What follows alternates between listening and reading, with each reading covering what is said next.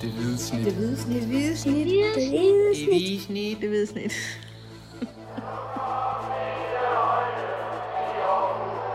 Vores bedste dage, de ligger foran os. Let's fucking go, man! Jeg optager, ja. Det går du fra nu af. Let's go. Mathias Maschnikar Hansen, du er tilbage efter verdens længste barsel. Ja, to måneder. Ja. Det er rart at være tilbage. Det, Også, også for lytterne, tænker jeg. Jeg tror, der skal noget kvalitet i den her podcast igen. det har du fuldstændig ret i. Og ja, jeg er også glad for, at du er tilbage. Ja, tak. Øh, også fordi, at, at vi jo har sendt Dennis Bjerre på, på vinterferie, eller er det karatelejr på Falster, eller er skiferie i Øster. Jeg ved ikke lige, hvor han er taget hen, men han er i hvert fald væk her hele, hele uge 7. Og så er det godt, du så returnerer for din barsel, så vi, så vi er to mand stærke til at, at kunne lave den her forårsoptags øh, udsendelse omkring øh, AGF. Og du, øh, du har haft en god barsel med babyskrål og lorteblæ og bananmos en masse. Og, Jeg har glædet mig til at komme tilbage og slappe lidt af, ja. så vi ikke sige det øh, sådan? du er frisk og, og. Eller, Som man kan høre på mig, ja, så er jeg fuldstændig øh, klar på at tale om AGF. Ja, ej, det, er- det er dejligt. Mit navn det er Kim Robin Gårdhed, og det her det er jo Det Hvide Snit og Stiftelsenes øh, lille podcast om øh, Superliga-klubben AGF. Og øh, ja, i dag, der skal vi øh, analysere, vi skal forventningsafstemme, og vi skal, vi skal vurdere på, hvor, hvor AGF står her øh, inden, øh, inden foråret. Vi optager her tirsdag eftermiddag, øh, så der er jo øh, under en uge til, at AGF øh, skal i ilden for første gang i, øh, i foråret. Forårspremieren mod Vejle, det er, det er mandag aften på, i Vejle. Øh, så det er, jo, øh, det er jo lige rundt, rundt hørnen, som man siger i, i det svenske. Øh, og det er jo, ja, det føltes som en utrolig lang vinterpause. Det gør det jo altid, men øh, i bund og grund, så, så har vi jo skrevet rigtig meget om AGF øh, hele perioden, fordi øh, de jo har været afsted på, på to træningslejre og spillet øh, en masse testkampe osv., så, videre. så der har været nok at skrive om, men øh, det er nu, det gælder. Det er nu, der er- det handler om, om point og øh, top 6 og, og så videre. Så det skal vi selvfølgelig, øh, det skal vi selvfølgelig snakke om. Øh, ja, og Superligaen, den blev jo sparket og fløjtet i gang på, på fredag. Sådan, den allerførste kamp her i foråret, det er, det er Viborg OB, der, der tørner sammen i, i store brag om 8. pladsen, tror jeg det er. Øh, Sikke knaller at starte en, øh, ja, men en forårssæson det, op. det, det, er godt nok øh, det er en voldsom fredag aften. Øh, men, Spændt sikkerhedsscenen, men Ja. Og ja, mandag der gælder det jo så AGF, der skal på besøg i, i Nørreskoven øh, for at møde Vejle, der, der jo så ligger næst sidst i, øh, i Superliga-tabellen og overvintret på, på, øh, på næst sidste pladsen af AGF øh, på en, på en fjerde plads. Øh, de begynder, de begynder foråret her, er det, fem point efter FC København, der ligger på, på tredjepladsen, og har så et point mere end både FC Nordsjælland og, og, og Silkeborg på, på femte og sjette pladsen. Øh, men måske allervigtigst i, i, i det regnestykke, øh, fordi der kun er de her fem grundspilskampe tilbage. Øh, det er jo, der er et, et godt hul ned til, til syvende pladsen. Øh, syv point ned til 8. 8 point ned til, til Lønby. Øhm, så på, på, den, øh, på den leder er AGF jo sådan allerede rigtig godt i gang med at indløse øh, billetter til, til top 6 og dermed øh, mesterskabsslutspillet. Øh, øh, Ja, 8 point og en målscore endda. Så ja, altså, I bund og grund så er det lige før det, det altså, det, det kræver nærmest kun én sejr. Øh, Så, så kan det jo sådan set flaster. Ja, ellers så skal, skal Lyngby jo nærmest gøre ren bord. Og, og Ja. det, det kommer de ikke til, øh, selvom Nej. de har fået en ny spændende træner ind, men det kommer de ikke til. Så, Nej. så jeg tror godt, vi kan begynde at, at kigge frem imod, at, at, at top 6, det bliver det for AGF. Øhm, Ja, og, og det ligner også det top 6, der er, der er nu, og som har, man har kunnet kigge på hele vinteren. Det ligner også de seks hold, der, der kommer til at træde ind i, i mesterskabsspillet. Hvis ikke, øh, som sagt, der er nogen, der går helt fuldstændig kold, og, og nogen, der så modsat som Lønby eller Viborg, eller hvad det kan være, går, går fuldstændig pointbananas øh, i de Jamen, sidste fem kampe. man kan jo sige, at der var jo faktisk et hold, der var i gang med at gå kold. Altså, øh, Silkeborg slutter jo faktisk efteråret sådan rimelig dårligt af, øh, men har stadigvæk syv point og en målscore ned til, til Lyngby. Ja. Så øh, det, er, det viser også lidt om, at, at der er lige nu i den her række seks hold, der er bedre end de andre. Og, øh, og der er AGF i, det, i høj, høj grad en af dem. Udover Vejle-kampen, som jo kommer på mandag, så, øh, så skal AGF øh, møde øh, FC Midtjylland og OB. Det er to hjemmekampe. Så kommer Silkeborg på udebane. Og så slutter øh, AGF grundspillet af på, øh, på hjemmebane mod, øh, mod Hvidovre, bundproppen øh, Hvidovre. Øh, derefter, der venter jo så et slutspil, øh, og måske endnu vigtigere, øh, to pokal semifinaler mod, øh, mod øh, FC Nordsjælland, og, og ja, så også potentielt jo en pokalfinale i parken, hvis, øh, hvis de kan komme forbi øh, Nordsjælland. I det her afsnit af, af det hvide snit, der, der kigger vi øh, primært frem mod øh, slutningen af grundspillet, altså de sidste fem kampe, og ind i det selvfølgelig i forhold til, hvor, hvor står AGF. Øh, virker de klar, og, og, og hvad, hvad er op og ned, og også lidt omkring øh, konkurrenterne, hvordan, øh, hvordan er de kommet ud. Øh, ikke så meget af, deres testkampe, det er vi lidt ligeglade med, men sådan overordnet transfervinduet, hvordan ser de forskellige klubber ud. Øhm, og vi kigger selvfølgelig, vi dykker selvfølgelig noget mere ned i, i AGF's øh, opstart, deres træningslejre og de, øh, de testkampe, vi har, vi har fået lov til at, at, at kigge på fra, fra, fra sidelinjen. Øh, de har været afsted på to træningslejre i det spanske, det har vi også snakket en del om, og det har vi også skrevet en del om, men øh, nu, øh, nu summerer vi lidt op på, hvor, hvor vi synes, at, at AGF de, de, de står, og for god ordens skyld, så har AGF jo spillet sådan, de her fem offentligt tilgængelige øh, testkampe her i opstarten. Øh, og de spillede så også her en, en, en lukket sag her i, i går mandag mod, mod Bryne fra den næstbedste norske række. Ja, det var lidt specielt, Ja. øh, må, vi, må vi nok indrømme. Den måtte vi ikke kigge på, men øh, vi har da hørt noget om, at de vandt øh, 1-0. Vist noget med, at Tobias Bæk han scorede, ja. Men, øh, Ja, men det er en kamp, der skulle være spillet på stadion, som endte med at være, være i øvrigt til frit skue for både streaming og presse og tilskuere. Og som endte med, at vi rykkede til Fredensvangs kunstgræsbane, hvor der i øvrigt er en lille tribune, men stadigvæk lige pludselig blev lukket for tilskuere. Men øh, sådan var- er det jo nogle gange, ja. det var kun Åbenbart. øh, dem, der, der bor i lejligheden omkring der. De kunne så sidde og se kampen, men øh, vi fik ikke lov til at, at komme ind. Øh, og fred være med det, men de fem kampe, de, vi, har, vi har overvejet her, testkampe, der har de der har de vundet en. De vandt jo den sidste nede i Spanien over, over Viborg. De har, de har tabt ret klart til FCK over, over tre halvleje, og så har de spillet tre kampe uafgjort i, i det spanske mod, øh, mod tre øh, østeuropæiske modstandere, to øh, ungarske hold, og så Victoria Pilsen fra, fra Tjekkiet, som, som de spillede øh, 1-1 med. Og det er jo, igen, som vi også har snakket om tidligere, det er jo, det er jo hvad det er, altså resultater i testkampe. Det, det, I bund og grund er det jo fuldstændig ligegyldigt. Øh, det, det handler om processen og, og få spillerne i gang og, og alle de her ting, og træneren kan se nogle taktiske ting. Ikke? Fordi det er jo på mandag i den første kamp mod Vejle, det er jo der, det tæller. Så kan man have tabt seks træningskampe, hvis man så vinder med et mål over Vejle, så er alt jo godt. Ja, og, og der er nogle spillere, der er rigtig gode til at, at være rigtig gode i testkampe, og der er nogen, der, der er bedøvende ligeglade med det. Øh, der er nogen, der, der er så øh, opmærksomme på dem selv og på deres kropsforfatning for eksempel, at de ved lige præcis, hvor mange løb de skal tage, og hvilke løb de skal tage for at kunne være klar, når alt kommer til alt, og for og hele tiden at føre deres egen kurve igennem, for at kunne blive klar til den første Superliga-kamp. Og det, øh, de der testkampsresultater, det er, det er meget, meget sjældent, med mindre man tager øh, 8-0 eller 7-0, som FC Fredericia nede i første, første division har gjort, at man kan, kan bruge det til noget. Men øh, det er klart, hvis man så tager med sådan nogle cifre, eller vinder med sådan nogle cifre, så, øh, så, så er der jo et eller andet, man kan tage med alligevel, når det kommer til resultater, men, men ellers så, så kan man overhovedet ikke. Nej. Så øh, jamen lad os, øh, lad os kaste os ud i det. Og jeg tænker for at, øh, og, øh, at komme i gang, så har jeg lige skrevet nogle, nogle, nogle påstande ned, og så kan vi jo øh, hver især sige øh, ja, nej, øh, og give et bud på, hvad vi tror i forhold til, til de påstande, der, sådan, der peger lidt fremad. Den, den første, den går ligesom på øh, Frederik Tinger.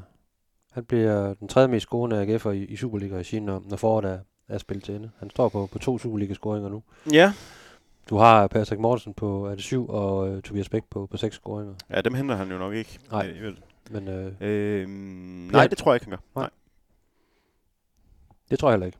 Jeg tror, øh, AGF de får, de får gang i en, en Michael Andersen også i, i foråret, så han kommer til at lave, lave flere mål.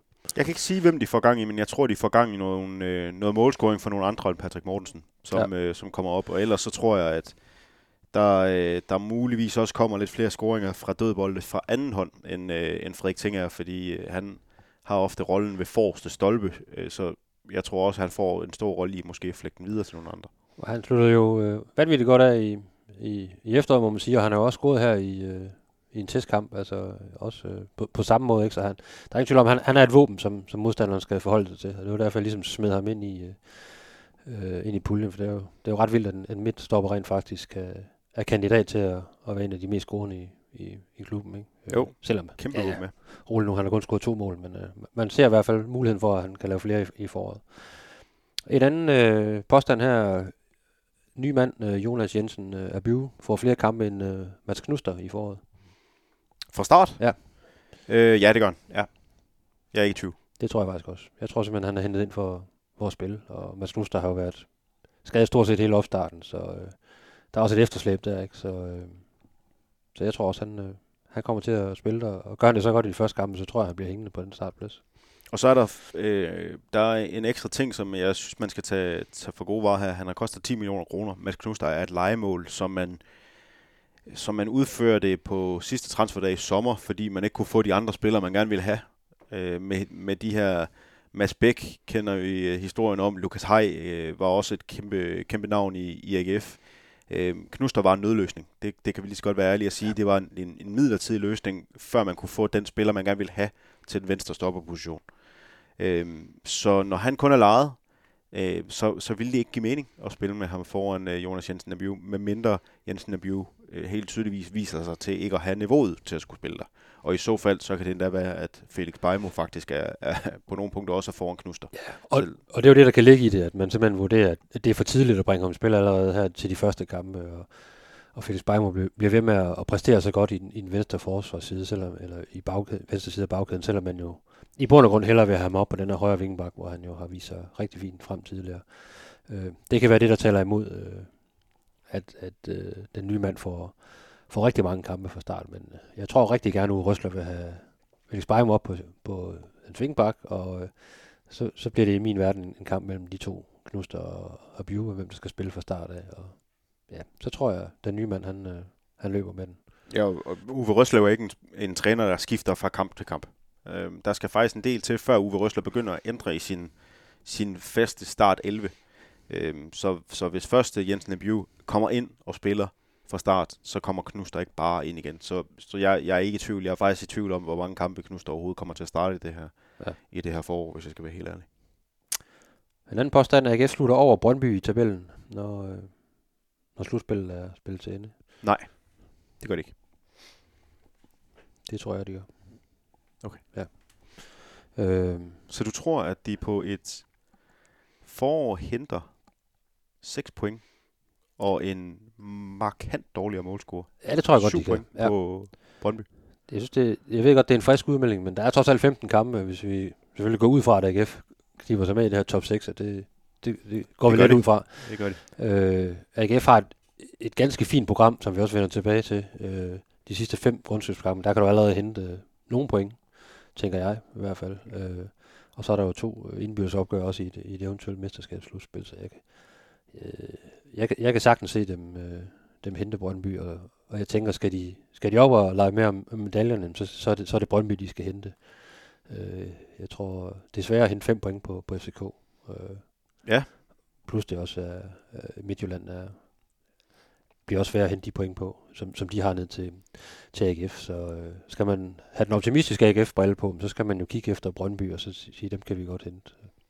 Ja, det kan ikke blive de andre to. Øh, det Nej. Tror jeg heller ikke på. Nej. Jeg tror faktisk, at Midtjylland kommer til at være rimelig stærke i det her forår også. Øh, FCK kommer, når de ryger ud af Europa, øh, her om et par tirsdage, garanteret, øh, til at blive møghamrende stærke i Superligaen, når de kun har den at koncentrere sig om, de er også ude af pokalturneringen. Ja.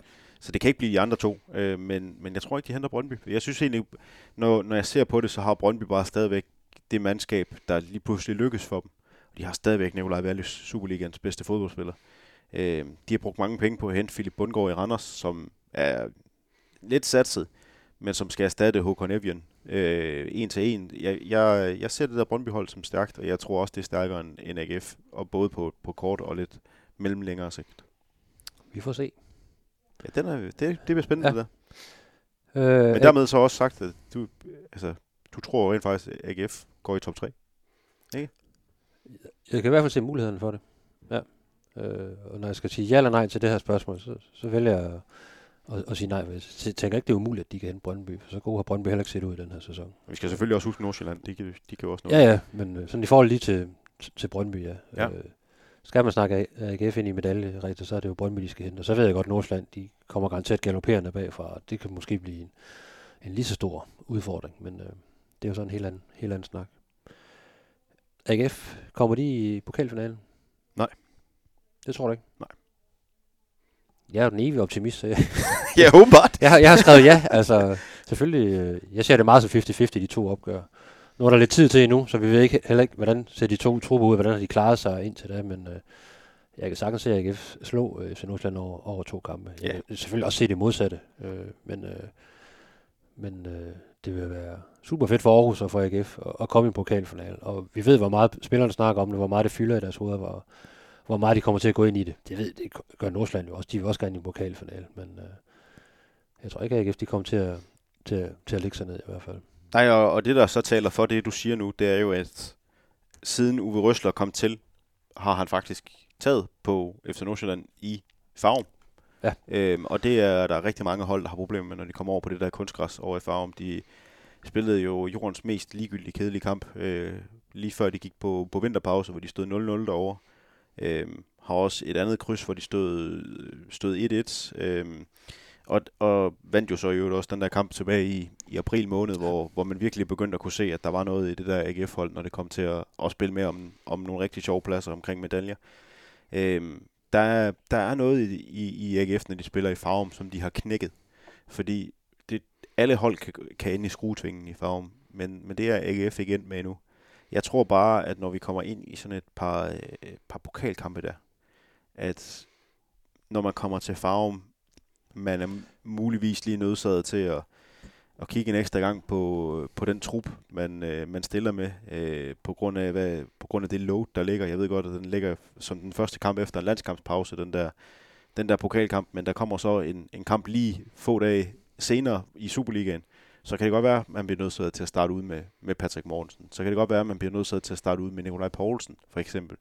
Og hvis først AGF lige tager de 10% af, af de gamle på det der hold fra og en, en udkamp i farm, så tror jeg, de får, så tror jeg, de får et nederlag.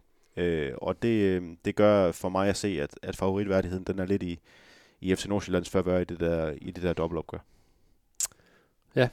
Vi, øh, jeg tog lige det her, den her påstand med, for vi skal ikke snakke så meget om, om de her pokalkampe. Vi laver på et senere tidspunkt en mere dybtegående øh, op, optagsting til de her to semifinale kampe. Men øh, det skal selvfølgelig lige nævnes, når man sådan kigger frem mod foråret, Det er klart. fordi det fylder rigtig meget ude, ude på Fredensvang, de her pokalsemifinale kampe. Ja, de nævner det hele tiden jo, da man Ja. forlængede med, med Tobias Mølgaard og, og, øh, og, og Frederik Tinger øh, i den officielle video, som AGF lavede op på deres ja. hjemmeside, der nævner Tobias Mølgaard også lige pludselig. Han vil, han vil gerne øh, vinde titler, og gerne allerede nu her lige om lidt. Altså, det, det er jo helt umølgårdsk øh, at, Ja. at nævne det på den måde. Øh, Tinger jeg nævnte det også. Altså, det, det fylder noget, at der er mulighed for at vinde på Ja, jeg har lavet et interview med, med, med Patrick Mortensen og Michael Andersen blandt andet også, så interviews øh, på den træningslejr, hvor jeg var med, hvor det også var et tema, som de selv kom ind på. Øh, det vil betyde utrolig meget, og de vil rigtig gerne med AGF i pokalfinalen. Så, så det er noget, der fylder, men øh, det stikker vi dybere ned i, på, når vi nåede lidt længere hen på, på foråret. Øh, hvem vinder kampen om mest spilletid på venstre vingbak? Snakker vi Gif Links, Erik Karl, øh, Nymand, Tobias Bak? Hvad, hvad tror du der? Det kan vi flinks. Det tror jeg, ikke, sekund 20. Det tror jeg også. Altså, Tobias Bak har vist sig rigtig, rigtig fint frem i, øh, i nogle testkampe her, og også, faktisk også fået, fået scoret. Øh, men han er stadigvæk ung, og øh, uprøvet sådan, i, i forhold til de defensive opgaver, i, i forhold til, til den måde, Uwe Røsler spiller på. Så jeg tænker, det, vil- det vil være for tidligt at allerede sparke ham, øh, eller sende ham i spil her fra, fra starten af, af, foråret. Og give Links en, en, en høj stjerne hos, hos Uwe Røsler, og også rykke sig i forhold til, til nogle af de parametre, han, hvor han tidligere er blevet kritiseret. Ikke? Så jeg tror, øh, man går med det sikre der, og så kan, kan Tobias Bak mere have sådan en lidt en joker-rolle. Øh, men, øh, men Links er i, i min bog, hvis vi går ud fra selvfølgelig, at Bayern må komme til at spille på den højre vingebak, så er det nok ham, øh, der mest sandsynligt løber med, med mest spilletid. Øh, den sidste fakta, jeg gerne vil nævne omkring Gif Links, det er, at hvis du tager ham ud af AGF-holdet, så fjerner du den bedste dødboldsserver i truppen. Øh, lige så øh, fuldstændig komplet håbløs han ofte kan være i, i åbent spil til at slå et indlæg, lige så fremhavende er han til at sparke et. Og øh, det, øh, det, det gør noget, at, at de der tre assists, han har fået lagt på sit navn i løbet af den her efterårssæson, det er efter dødbold, det er efter hjørnsbak. Ja. Og de, øh, de, det, det er en, en vigtig del af AGF's spil, når de er så stærke på det op den del, at, øh, at, at Gifling skal også spille, øh, når, når han kan. Præcis, og det er jo, det er jo især der, han, han har rykket sig i, i positiv retning. Øh, han er begyndt at, ja, at, at lægge nogle rigtig fine dødbolde, og også nogle rigtig fine indlæg, som jo har været en udfordring for ham tidligere. Så han har faktisk været en vigtig del af, af AGF's øh, fine, fine efterår. Øh, jeg har to tilbage. Øh, Patrick Mortensen bliver topscorer i Superligaen. Nej. Han har scoret syv nu. Øh, Wallis er etter med 10, mener jeg. det er. Øh, det tror du ikke på? Han er i øvrigt et sammen med Alexander Lind fra Silkeborg. Ja. Der også har scoret 10, og så har Cho fra FC Midtjylland scoret 8. Nej, Show. både øh, Cho og øh, Nikolaj Vallys øh, scorer flere mål end, øh, end Patrick Mortensen. Det er ikke sekund i tvivl om. Og vi kommer ind på det lige om lidt, øh, men der, det har vi også snakket om tidligere. AGF har haft rigtig meget fokus på det, det offensive udtryk øh, her i opstarten, og arbejdet på at få skabt flere åbninger, især til en Patrick Mortensen, fordi det, det halter noget i, i efteråret i, i mange kampe med at skabe nok muligheder for, for deres anfører. Øhm, og det kunne jo så ligesom være en begrundelse for, at, at han, kommer, han kommer til at lave mange mål i, i, øh, i foråret. Øh, det er jo ikke fordi, sådan at, at træningskampene ligefrem... Jo, han har, han har fået scoret et par gange, men det, der har også været lange perioder, hvor, hvor man har svært ved at, ved at ramme ham ind i feltet. Så jeg tænker, det stadigvæk kan blive en udfordring for de første kampe af. Men det vender vi lige tilbage til. Øh, og nej, jeg tror egentlig heller ikke, han, øh, han ender som topscorer. Sidste øh, påstand, og den er sådan lidt i forlængelse af- det, vi lige snakkede om. AGF scorede 21 mål i, i 17 ligekampe i efteråret. Det giver et, øh, et målsnit på 1,24, hvis man runder lidt op. Øh, rammer AGF et højere målsnit øh, i Superligaen i foråret end øh, i efteråret. Det vil jo så kræve... Øh, de har jo lidt færre kampe, ikke? Jeg har Jo. 15 kampe. Jo, men målsnit, det er jo, det er jo stadigvæk et, et gennemsnit på, Ja. per kamp. Så de så cirka skulle score øh, 19 eller sådan noget den stil, øh, for at nå det samme målsnit. Ja, det gør de. Ja, det gør de. Jeg tror også, øh, de kommer til at score 21 mål eller noget den stil. Ja. Måske mere i, i de 15 kampe. Det, det tror jeg. Det tror jeg også. Altså, hvis man udefra at Mads Emil, han, han rammer noget, noget form på et tidspunkt. Øh, man har fået Mikkel Duelund tilbage. Øh, du har øh, stadigvæk Michael Andersen i, i klubben, Tobias Bæk. Øh, vi ser jo rigtig flot frem i efteråret. Der er meget, der peger i retning af, at, at det, det skal jo gå fremad på, på den offensive front for AGF, i, i forhold til, hvordan det så ud i, i efteråret. Så jeg tror da også, de, de går lidt mere målamok i efteråret, end de gjorde i, i foråret, hvor det jo i høj grad var, var defensiven, der, der trak læsset. Ja, og hvis Mads Emil Madsen også på et tidspunkt bliver klar igen, så ser jeg også, at der er nogle, øh, nogle flere muligheder i at kunne øh, holde bolden i det rigtige antal sekunder, sådan at man kan få spillerne positioneret ordentligt nok til at kunne komme ind i feltet, til at kunne komme til afslutning, og dermed få flere mand i boksen øh, på for eksempel indlæg fra, fra Felix Plejemo eller Gif Links, hvis han, øh, hvis han rammer feltet øh, links. Men, men det er jo så øh, det er det næste. Men, men øh, det er det, det, er, øh, det, det er jeg faktisk ikke i tvivl om. Jeg tror, der er flere AGF-spillere, der kommer til at blive farlige, øh, bare ved, at, at de simpelthen bliver tilgængelige til kamp i virkeligheden. Ja. Og det kommer til at gøre holdet farligere og, og skabe flere mål. Og især også, tænker jeg, en, en Felix Beimo, hvis han kommer til op på den uh, højre vingbak, det, det vil bare gøre, gør, også gøre offensiven uh, langt mere viril. Altså, at man har et våben der også, ikke? For Absolut. Han, han kommer jo farende konstant. Absolut. Godt. Jamen, øh, der fik vi lige rundet lidt, lidt af hvert her. Øhm, nu skal vi sådan overordnet kigge på, hvor, hvor, vi, hvor vi synes, at AGF de står her efter en, øh, en opstart med, med træningslejre og testkampe og til og med også et, et transfervindue. Øhm, hvordan synes du, de, de står sådan, øh, hvis man kigger på den, den samlede øh, pakke, og vi lige sådan skralder konkurrenterne væk, og hvad der er sket i de, i de klubber? Altså, hvor, hvor, hvor står AGF som, som trup, som hold, øh, som så du ser det? Jeg synes, de står lidt status quo. Øhm, man kan godt argumentere for, at de er blevet stærkere øh, med at få Jensen, Jonas Jensen af ind for de der 10 millioner kroner i stedet for Mads Knuster.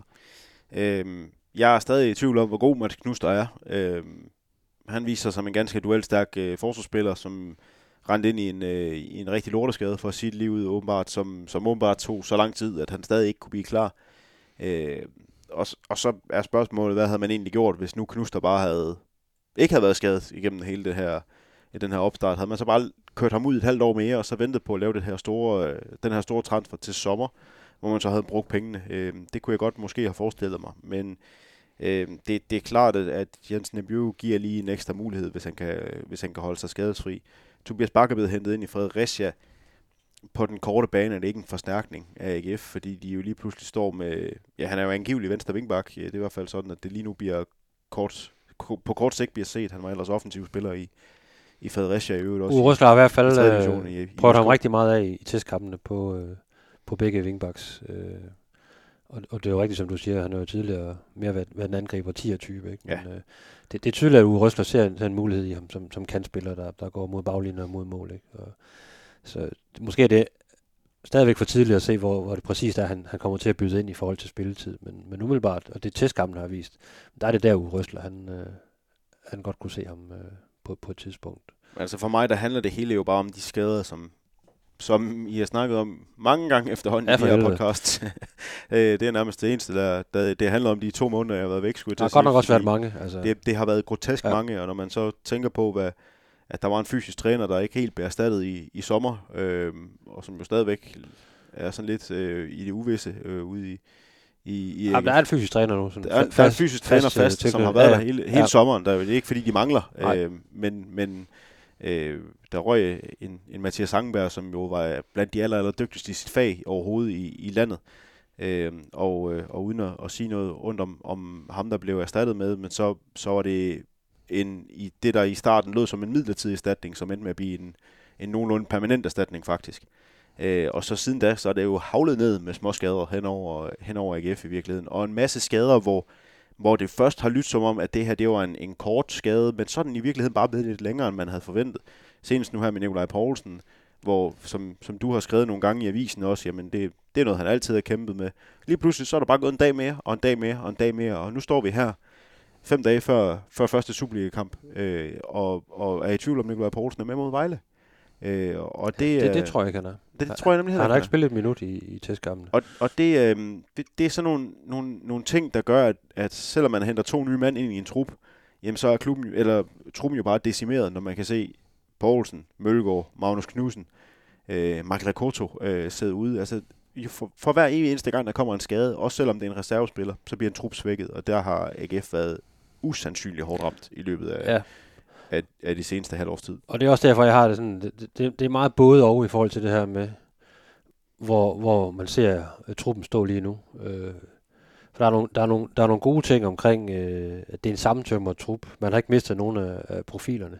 Stemningen er, er faktisk overraskende god i forhold til netop de her mange skader. Ikke? Øh, man er, det har, der både Dennis og jeg har jo oplevet på de træningslejre, vi er med på, at du kan virkelig mærke, at det er en, det er en gruppe, som, som godt kan lide at være sammen, og som tror på hinanden og stoler på hinanden, og derfor er de også begyndt at blive mere offensive i deres udmeldinger omkring, hvad de, hvad de tror, de kan opnå i, i foråret, og også på lidt længere, på lidt længere sigt. Ikke? Og det er jo sådan meget atypisk AGF, der er altid sådan, uh, i hvert fald siden uh, Åkeby-tiden har været, har været ret bange for at, at melde for offensivt ud, fordi så, så vil folk stå klar med, og, øh, med, med pegefingrene og stå og grine af dem, ikke, hvis, det, hvis det nu gik, gik galt.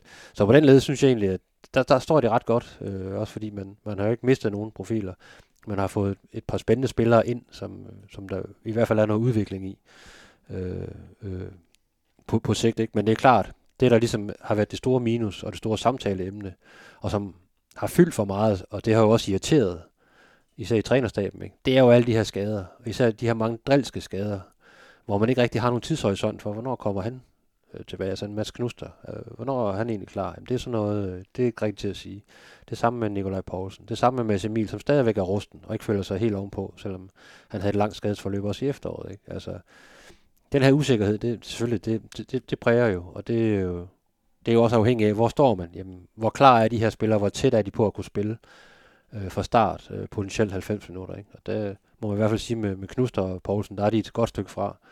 Og, og Mads Emil, øh, Madsen har også været ude og også fortalt os, at han, han føler stadigvæk, at han mangler en del. Så, så der, er, der er ret meget der. Og så har der været alle de her småskader og så videre også, ikke? Som, øh, og, og andre spillere på vej tilbage fra, fra skader, som, øh, som selvfølgelig bare skaber noget, noget, noget usikkerhed. Altså sågar en Frederik Tinger, som vi jo nogle gange har snakket om, for guds skyld, den mand må jo ikke blive skadet, har jo også døjet med noget i opstarten. Øh, det har ikke gjort, at han ikke har kunne spille testkampene, men der har været noget, som har luret der, ikke? så det, det skaber bare en usikkerhed.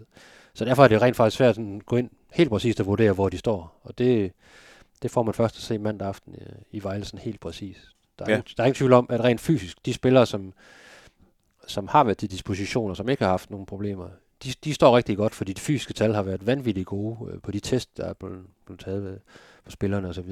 Øh, der mangler ikke noget, men der er simpelthen for mange, der så har skræntet eller har set det uden for en periode. Duelund er jo også først øh, på vej tilbage fra, øh, fra en skade. Ikke? Altså Gif Lengs har haft nogle, øh, nogle problemer. Der, der er virkelig mange spillere, som, øh, som har, har slået sig med noget og været lidt ind og ud af, af, træningsbanen. Mølgaard også, ikke? Altså, det er jo væsentlige spillere, må man sige. Ja, og, og det der så er, er bemærkelsesværdigt, synes jeg, det er, at det har jo, det, alle de mange skader har jo påvirket AGF's opstart. Fordi Uwe Røsler har en meget, meget tydelig måde at gøre tingene på i en opstart. Ja. Det er sådan, han har gjort førhen, og det er sådan, han gør i AGF. Han spiller 5 til seks kampe i en opstartsfase. Der handler det om, at der er så mange spillere som muligt, der skal have 45 minutter i de første par kampe. Så bagefter så skal man begynde at have 60 minutter. Og så i den sidste kamp, eller de sidste to kampe, afhængig af, om man skal stille med to forskellige hold, så, øh, så skal der gerne være så mange som muligt, der har prøvet at spille 90 minutter. I går, da de spiller den her testkamp, som vi ikke har, har fået lov at se, men som AGF øh, på deres øh, Twitter-profil øh, delte startopstillingerne fra, hvor vi jo ikke kunne se, at hverken Magnus Knudsen eller Nikolaj Poulsen øh, var til, til stede i, i kampen. Der kunne vi se, at der var kun en enkelt spiller, der gik med videre fra første til anden halvleg. Det var nytilkommende Jonas Jensen Abiu. De andre 10 spillere blev skiftet ud i pausen. Så der er altså mange spillere her, der i den sidste testkamp før Superligaens første kamp mod Vejle på udebane, kun har spillet 45 minutter. Og det, det påvirker et hold. Det, det er klart, det er ikke optimalt. Det er overhovedet ikke optimalt. Jens Nembu skiftede vist, øh, jeg tror han spillede 80, jeg tror uh, Diesel Harrington, uh, manden som, uh, der åbenbart er flere, der, der går op i, end jeg lige troede, uh, åbenbart fik uh, 10 minutter eller noget af den stil. Ja, Men, og som jo selv har været ude hele efter. Han har også været skadet, ja. ja. Så uh, det, det, det, det, det er skidt. Det påvirker det der. Og, uh, og det glæder jeg mig faktisk til at se, når vi kommer til Vejle-kampen. Og altså påvirker det her den sidste halve time mod Vejle, hvis der står 0-0, hvis der står 1-1. Øhm, så er Vejle heller ikke et ringere hold, end at de på hjemmebane øh, kan, kan komme til chancer, eller at de på hjemmebane kan komme til noget. Vejle har så også haft en, en pivring opstart, så vidt jeg ved, øh, har også lige øh, været udsat for lidt, øh, lidt aflysninger og sådan nogle ting. Men, men det, det, det betyder noget, og det, det er skidt for, for AGF, det er skidt nyt. Ja. Altså der er også, øh, Peacock Farrell har jo også døjet med, ja. med hans knæ. Øh, han har jo sådan et, et godt gammeldags uh, springerknæ, tror jeg, man, man kalder det. Ikke? Øh, så han har heller ikke sådan været, været, været i fuld vi gør i, i hele opstarten. Ikke? Og du nævnte også øh, ja, Magnus Knudsen. Ikke? Altså, så det er over en, en bred kamp, må man sige, at, at der har været mange spørgsmålstegn. Og det, det er klart, det gør, at man ikke står lige så skarpt, som man kunne have stået. Og der er mange spillere, der ikke har fået de minutter, som man gerne har set, de har fået de her opstartsminutter, så man har kunne bygge dem op mod den første kamp. Men på, på, tænk nu bare det her spørgsmålstegn, ikke? Du har haft en masse Emil Madsen derude, hele, øh, i en rigtig stor del af efteråret, siden den der Hvidovre-kamp øh, i hvad, tredje spilrunde, øh, lige efter man har, været, øh, man har vundet hjemme mod Brygge, har, har haft en super drillskade. De, vil ikke, de kan ikke helt øh, fortælle et, et estimat. De ved ikke, hvornår han bliver klar. Han ved ikke selv, hvornår han bliver klar. Han ved ikke, hvornår der kommer fremgang, eller om der kommer et tilbageslag. Du kommer ind, begynder at spille lidt med bold. I sidste testkamp, der får du 45 minutter. Tør man som cheftræner starte med ham mod Vejle pludselig? Fordi, hvor meget kan han holde til? Det, det er et kæmpe, kæmpe, kæmpe spørgsmålstegn der.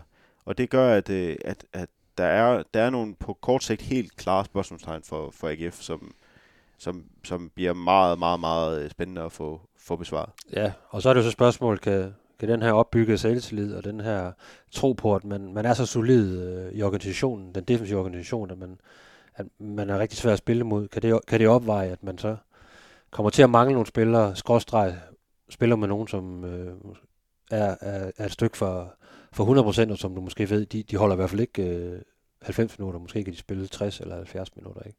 Øh, det vil jo også påvirke internt i, øh, i en trup, at, at du ved, der, der er så mange spørgsmålstegn, ikke? Så, øh, og, og mange spillere, der, der er på vej tilbage. Altså, hvor lang tid kan Mikkel Duelund spille i, øh, i en kamp øh, mod Vejle, og vil man overhovedet starte med ham, fordi han har været så meget ude, eller vil det være en Tobias Beck, man, man foretrækker der, fordi han trods alt er en af dem, der sådan fysisk har, har, har været ovenpå øh, her i, i hele opstarten. Ikke? Så, så det, det er rigtig interessant, og derfor så er det, så det er virkelig svært at vurdere helt præcis, hvor de står, fordi det tror jeg heller ikke, de selv ved. Og det, det, kommer, det kommer for en dag, mandag, mandag aften, øh, hvor, hvor de står som, som hold. Man kan så kigge på det her med, de har talt rigtig meget om, øh, efteråret var meget, det var meget defensiven, der, der trak læsset, som vi var inde på tidligere. Øh, Øh, man har haft svært ved at score, score nok mål. Øh, det offensive udtryk øh, har haltet. Øh, man har manglet nogle spillere, men man har generelt haft svært ved at skabe nok målchancer. Øh, så det har været et indsatsområde i den her opstart, at den offensive del af spillet, det, skulle, det skulle man gøre noget ved. Og så har man jo så igen været plaget af, at Michael Andersen har siddet udenfor, en Michael Duelund har, har, har siddet udenfor, øh, øh, en, en Felix Beimo har man været nødt til at bruge nede i, bagkæden, så man har heller ikke sådan kunne, kunne træne i forhold til, at han måske skulle op på den højre vingbak. Så, så der har også været nogle ting der, der har, der har sænket øh, hastigheden af, af det, man gerne vil opnå, eller kvaliteten af det, man gerne vil opnå i forhold til det offensive udtryk. Ja, hvis man, nu tager vi lige Andersen, ikke? fordi ham, ham har vi jo ikke fået nævnt. Han var heller ikke med i den der testkamp mod, mod Bryne jo. Nej, og han spillede heller ikke mod, mod FCK, eller i den, i den første testkamp nede i, i, i Spanien. Øh, så der har også været nogle ting der, ikke? Og så kan det godt være, at der også var, har været noget sygdom indover, og der har også været et transfervindue, hvor der var nogle, hvor han virkelig var, hans navn virkelig var i vælten, ikke? Som også. Men det påvirker jo også ham, og, og selvfølgelig også holdkammeraterne, når han ikke er med, fordi han er jo han er altafgørende for, for det offensive udtryk. Øh, så det er jo heller ikke optimalt, at man ikke har kunne, kunne, kunne spille med ham i, så tæt på, på, på forårspremieren. Så jeg synes også, og det har man også kunne se i de sidste kampe mod, altså mod, mod Viborg og, og, og mod Pilsen, altså de havde generelt svært ved at, at, at skabe øh, rigtig mange åbne muligheder. Øh, og det tror jeg gerne, man ville have set i netop de her kampe. Så kunne man nok godt have givet lidt køb på det defensive, hvis det var, at man, man sprudede lidt mere offensivt. Men det har jo netop været defensiven igen, der har, der har set stærk ud, og så øh, har, man, øh, har man døjet noget med at, at, at lave chancer, men man skulle jo nærmest på det, man, man havde mod, mod Viborg for eksempel. Ja, det er også en styrke. Øh, men igen, Det er og, det, ja. og det der, jeg vil sige, de her testkampe, det er, det er simpelthen så mærkeligt at, at skulle sidde og analysere på det, fordi Ja, det skal man heller ikke. Og det, det skal man nemlig passe på med det der, fordi man kan godt sidde og kigge på et AGF-hold, der ikke skaber særlig mange chancer. Men, men nogle gange, når man spiller sådan en testkamp, så får man jo også helt klart at vide, jamen du skal bygge bolden op på den her måde, fordi det er den her måde, vi gerne vil spille på mod en type hold, som hold X, Y eller Z. Øhm, og så kan du også godt ende i en situation mod, mod et hold, som bare enten A, forsvarer det, du gør, og rigtig gerne vil gøre rigtig godt, eller B, at, at det bare lige på den dag ikke lykkes med den her givende skabelon, du prøver at sætte op, eller givende idéer, du har om, hvad det er, du skal. Og der, øh, der, der, der synes jeg, at der, der skal man lige skubbe det lidt til side. Øhm, også, der var også nogen, der blev lidt bekymret over den der første testkamp, man spillede mod det her DVTK øh, tidligere i, i vinter, hvor man spillede 3-3 efter at have været foran 3-0. Og det, og Men der er også det her er med, ja. Altså, hvor hårdt har du så også trænet op til? Og der ved jeg for eksempel, den kamp, der havde de jo trænet sindssygt hårdt med dobbelte træningspas og sådan noget. Så der vidste man godt fra trænerstaben, at det ville være nogle meget, meget, meget trætte spillere. Så det, det, det havde man egentlig fint nok med. Øh, og, og det er der også nogle gange. Der er nogle gange nogle, nogle blokke, hvor man har trænet rigtig hårdt i en uge op til en test. Øh, testkamp, fordi man så ved, så er det de fysiske parametre, man går ind og måler på, ikke så meget de taktiske. Og så er der andre kampe, som du også siger, så er der nogle andre taktiske ting i spil, hvor spillerne er mere friske. Og det kan jo være, det kan være svært for os udefra nogle gange, øh, altid at, at, at vide, ikke? men det ved de trods alt internt i, i, i klubben, så, så derfor skal man altid tage de her øh, resultater og præstationer med et grænsalt. Øh. ja, den grad. Ja. Så, sådan er det bare. Så ja, så vi, øh, vores konklusion må være, at vi, er, vi er lige så spændende som alle andre på, hvordan de ser ud. Ja, jeg glæder mig til at komme til træning i den her Øh. uge og se, hvad, hvad det rent faktisk, altså hvor mange der rent faktisk er.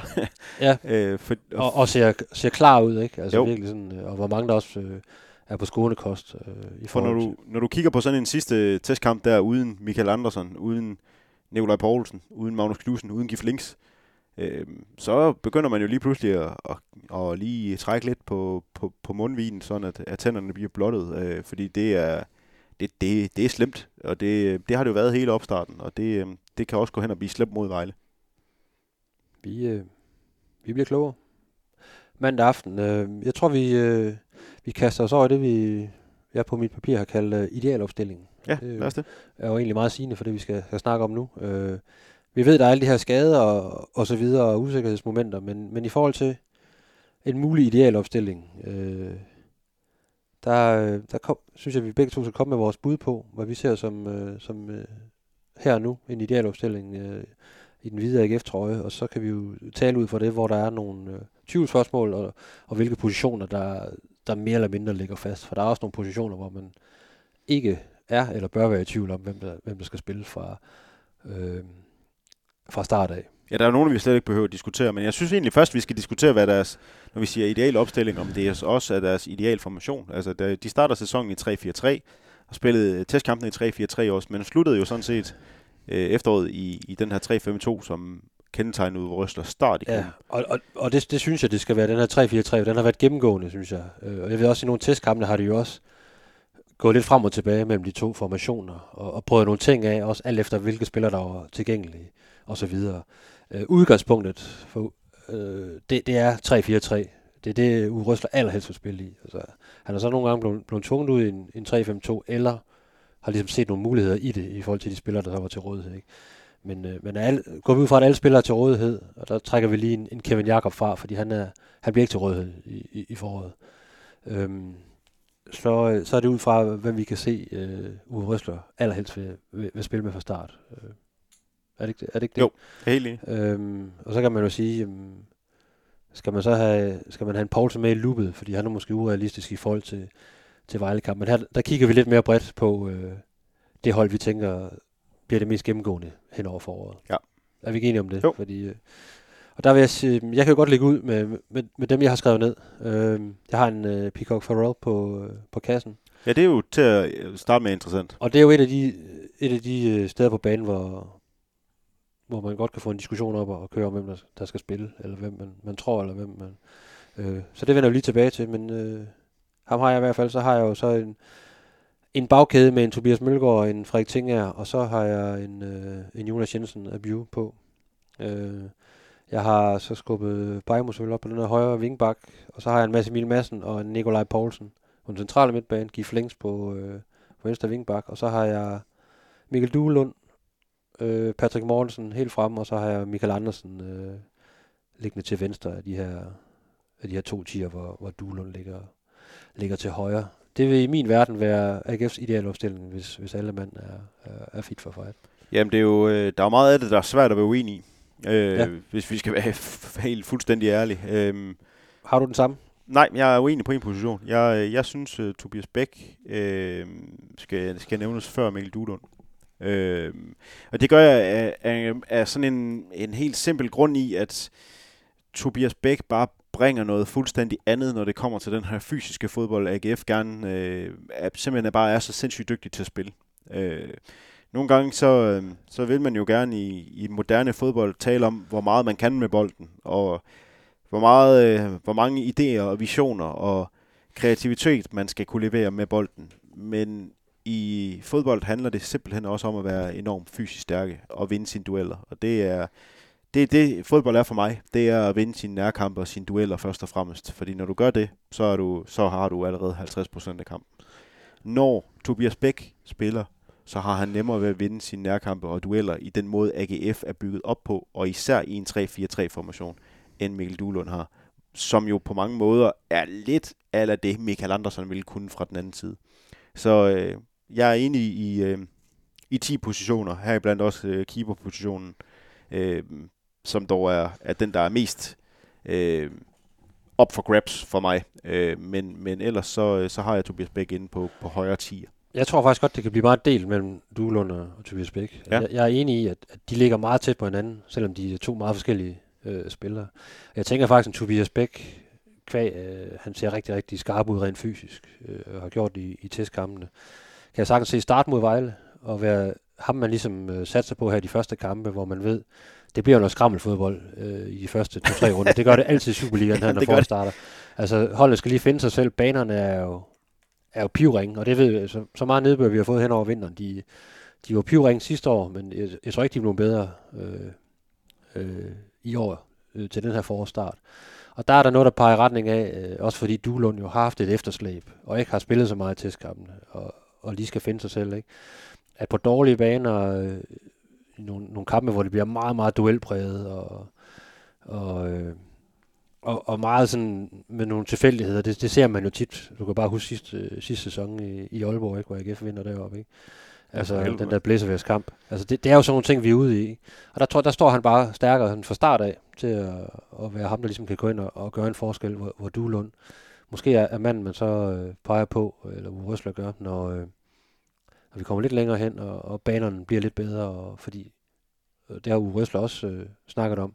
Han har, han har virkelig set frem til, at Mikkel Duelund blev klar igen og kom ind på det her hold, fordi han ser Mikkel Duelund som en rigtig vigtig brik i forhold til at, at blive skarpere rent offensivt. Ja, hvis han er kommet over de her skader. Ja, ja, og det er jo, det er jo, og og, og vi, her der går, der går vi jo netop ud fra, at de er fit for fight, ikke? Ja. Altså, vi, vi aner jo ikke, hvor langt de enkelte spillere er på at være på deres topniveau, eller hvad der kommer til at ske om en måned eller to måneder, øh, hvor de er henne skadesmæssigt og, og så videre. Han kan jo også få et tilbagefald, det er der ingen tvivl om. Ja, der, alle, alle hver kan strengt taget ryge ind i en korsbåndsskade Ja. morgen, ikke? Altså, det, er, det, det er sådan fodbold, det, ja, det desværre også fungerer, elitesport fungerer, det er, at, at skader er bare en, øh, et ufravilligt uh, krav af, af elitesport, og Ja. det, det kan ødelægge rigtig, rigtig meget. Så, så jeg er enig, jeg, men jeg, jeg synes bare, der er noget i det her med, at AGF jo prøver at spille mere og mere med bolden i starten af den her sæson, og det er også, det, det, det er også øh, Duelund, der, der primært er valgt i den første halvdel, øh, da han er klar, øh, og, og ikke er skadet. Og der har han valgt foran, en, foran Tobias Bæk, selvom Bæk jo egentlig scorer i sin debut mod, ja, mod Vejle, i øvrigt, øh, hjemme på, på, på Sears Park. Øh, men, men jeg synes, at når vi ser på den måde, AGF er blevet til i løbet af efteråret, og den måde, som AGF førte sig selv over på i løbet af, af efteråret, da man begyndte at få alle de her mange skader, hvor man begyndte at spille, nogen siger mere primitivt, jeg siger øh, mere, øh, mere sikkert og mere koncentreret. Pragmatisk. Øh, pragmatisk, ja. Øh, men begyndte at fokusere mere på den her fysiske styrke, på dødbolde, på, på og en gang imellem også at, at have muligheden for bare at sjaske den ind i måde på Patrick Mortensen. Jeg synes nogle gange, at det bliver gjort til, at det er en, en dårlig ting at spille øh, ikke så køn fodbold i, i 2024, men, men det er det ikke. Og, og det er sådan, at AGF har vundet øh, bronze under, under David Nielsen. Det var fandme ikke pænt fodbold altid. Det er sådan, de, bø, de fik, øh, fik sat gang i det hele i slutningen af, af efteråret med, med syv kampe i streg i Superligaen uden nederlag. Og, og den her fysik, den kan man lige så godt holde fast i, fordi det giver jo helt tydeligvis resultater. Øhm, så, så jeg synes ikke, at man skal, man skal polere det for meget, og når man, når man lader være med at gøre det, så synes jeg, at Tobias Bæk er, den, er det bedre, bedre valg. Men selvfølgelig, i og med at de selv har, har i tale sat, at, at der skal arbejdes på, at- det offensive udtryk skal, skal blive bedre. I hvert fald hen over foråret. For jeg, jeg tænker også, at man er realistisk omkring, hvordan de første kampe bliver. Især en udkamp i Vejle, der kæmper for at undgå nedrykning. Ikke? Øhm, og en, en, en svær hjemmekamp derefter mod, mod et stærkt Midtjylland-hold. Ikke? Altså der, der er det nok nogle af de der dyder netop. Øh, hård fight, øh, masser af dueller, og sådan, som AGF jo var god til i efteråret. Øh, som, som man, man satser på. Der, der, der ser jeg også en Tobias Bæk stå foran Duelund, men på sigt hen, i, hen af, af foråret, når man skal ind i det her, som man jo regner med, eller i hvert fald satser på, skal, skal i top 6 og mesterskabsspil, ikke? så er det måske en anden slags fodbold, der skal spille, for man skal forsøge at holde noget mere i bolden, også mod de, Ja. mod de gode modstandere. Ikke? Og der, der er der ingen tvivl om, der kommer Duelund øh, meget mere i spil. Øh, så ja, Nå, jamen, altså Mikkel Duhlund på udebane mod Silkeborg, ikke? Der, det, det, det er jo bare en, en kamp for ham. selvfølgelig. Men vi må også bare erkende, at Mikkel Duhlund nu i, i to år jo, har vi været i tvivl om, hvor stærk han rent faktisk efterhånden er, på grund af alle de der mange skader. Ja. Øhm, det kan godt være, at Mikkel Duhlund har bare kan brænde banen af nu, hvor det der hælproblem, eller ankelproblem, eller hvad sådan, det han nu har, har slåsset med længe, øhm, det, det, det kommer til at... Ja, han blev Og- opereret og- i, i anklen jo. Det var ankel, ja, og, og havde også en, en, hæl, en lille hælskade også på et tidspunkt jo. Øhm, det, det kan godt være, at han bare lige pludselig finder et niveau, hvor, hvor man tænker, wow mand, Marker, hvad laver du her? Ja. Øh, det, kan, det kan jeg ikke afvise. Men det er også en styrke, at du har to så dygtige spillere, der er så tæt på hinanden niveaumæssigt, men alligevel er så forskellige. Så du- på den position kan jeg faktisk godt se, at Uwe Røsler kommer til sådan meget fra kamp til kamp at kunne skifte i forhold til det taktiske udtryk, han nu engang vil, vil have. Og ryger man over i noget 3-5-2 igen, så har man også den fordel, at Tobias Bæk nemt kan gå ind og spille en, en frontangriber ved siden af en Patrick Mortensen. Enig. Øh, stærk i hovedspil, også ikke hurtig i, forhold til kontraspil og så videre. Så der er nogle ting der. Øh, ja. Nu har vi snakket meget, rigtig meget om de to. Jeg vil gerne ned på midtbanen, faktisk. jeg tager lige sådan, øh, for jeg har faktisk nogle, nogle positioner, hvor jeg tænker, der er vi enige om, at der er ikke så meget konkurrence. Altså frontangriberen, det er Patrick Mortensen. Hvis han er fit for fight, så spiller han. Øh, der er stadigvæk stykke ned til Janis Serra, som, øh, som ikke har vist sig alt for imponerende frem i, i, i testkampen. Jeg tror selv, han har håbet på, at han, han havde taget et større skridt. Øh, Det tror jeg også, trænerstaben havde. Og var kommet endnu tættere på, øh, på Patrick Mortensen. Jeg ser stadigvæk Patrick Mortensen som det helt klare første valg. Klar, klar. Så der er, ja. ikke, der er ikke så meget at diskutere der. Og jeg har det på samme måde, øh, som modsat det, vi lige talte om, så på den, på den venstre tier, Michael Andersen. Altså han, han kommer til at spille hver gang fra start, hvis han er klar. Ja. Øh, så, så, er der, så er der noget længere øh, spilletid øh, udsigt til spilletid for en Mathias Sauer, som ellers har, har gjort det ganske fint i testkampen. Ikke? Så der, der tænker jeg heller ikke, der er så meget. Og det, jeg har det samme med, med to tredjedele af bagkæden. Tobias Mølgaard og Frederik Tinger, altså, de spiller 100% fra start, når de er, når de er fit for fight. Ikke? Ja. Der er ikke så meget der. Ja. Øhm, og så er det samme med højre vingbak. Øh, hvis det bliver, som vi, vi går ud fra, og man skubber en Felix Beim op på, på højre vingbak, så skal man godt nok være stået tidligt op, som, selvom Jakob Andersen har set fint ud øh, i opstarten. Øh, så er det altså Felix Beim, der spiller hver gang fra, fra start. Øh, så der er nogle positioner, jeg synes, der, der giver sig selv. Og så er det rigtigt, så, så kan vi jo gå ned på, øh, på målmandspositionen på venstre vingbak, som vi allerede har kort været inde på. Ikke? Øh, den venstre stopper, kan der være noget, ikke? og så den centrale midtbane, som du rigtig gerne vil, vil kaste over, tænker jeg. Ja, fordi det, det er jo faktisk lidt slående, at, øh, at du har jo helt sikkert Mads Emil Madsen på den der ene 8 ved siden af, eller 6'er. Øh, Ja, det har jeg, fordi jeg ved, hvor, hvor høj en stjerne, eller stor en stjerne han har hos, hos Uwe Røsler. Han har en gigantisk stjerne. Ja. Øh, Øh. men, men det er jo slående, ikke? Han har været øh, ude det meste af efteråret, og, øh, og, og selv hvis Magnus Knudsen bliver klar, så er han efter. Magnus Knudsen er også kun lejet. Det er lidt den, den samme situation, som vi har med, med, med Mads Knudsen nede i, i bagkæden, udover at, at Knudsens aftale jo er sådan lidt speciel, på grund af, at den kommer igennem den der øh, krigsklausul fra, fra FIFA. Så man, øh, han er jo officielt ikke lejet. Han er officielt på fri transfer, fordi hans kontrakt er suspenderet i, i russiske råstof. Men han skal jo øh, på papiret tilbage til, til Rusland igen til sommer, selvom den der krigsklausul nok bliver er, forlænget. der er en rigtig god mulighed for, at man kan nappe ham, hvis man er interesseret i at, at beholde ham i AGF ikke? Til, Jo. til sommer. Altså, Jo, og, og det, det, så vidt jeg forstår det, så er IKF interesseret i det. Øhm, men men øh, han er ikke Mads Emil Madsen, og han kan ikke de samme ting, som Mads Emil Madsen kan med at lede en fodboldkamp med bolden.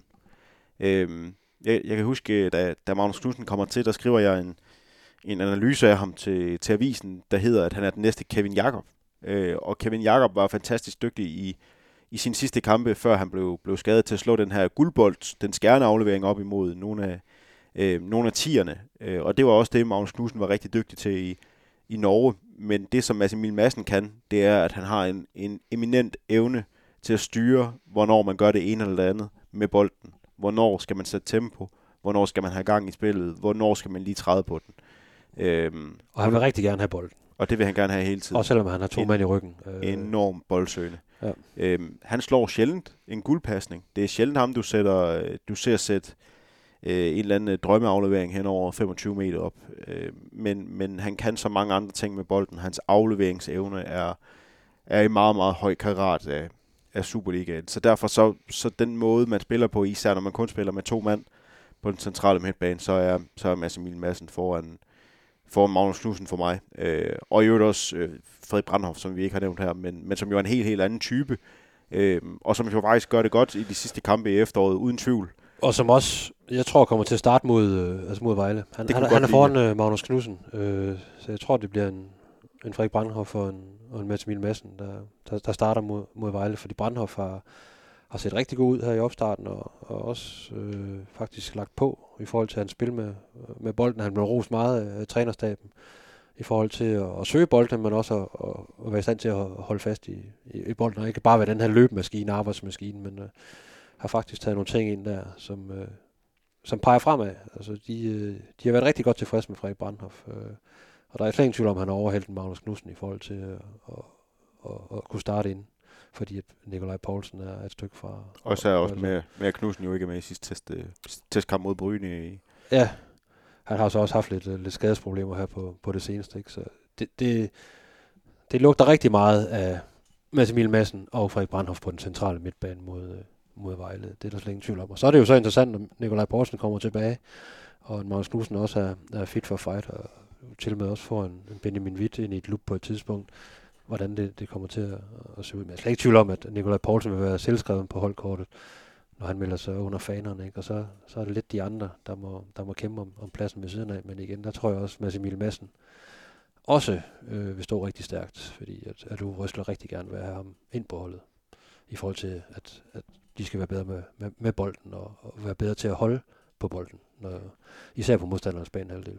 Hvis- Jeg vil gerne ned i den der bagkæde igen, fordi vi hopper ned i bagkæden. Fordi du, du var ikke helt, øh, du ville ikke helt sikre Jonas Jensen Abiu i den der bagkæde. I hvert fald slet ikke på samme måde som øh, Tobias Mølgaard, tænker jeg. Ej, jeg synes, det, jeg synes, det er for tidligt, fordi han jo nærmest lige er, er ankommet. Øh, han er en ung spiller.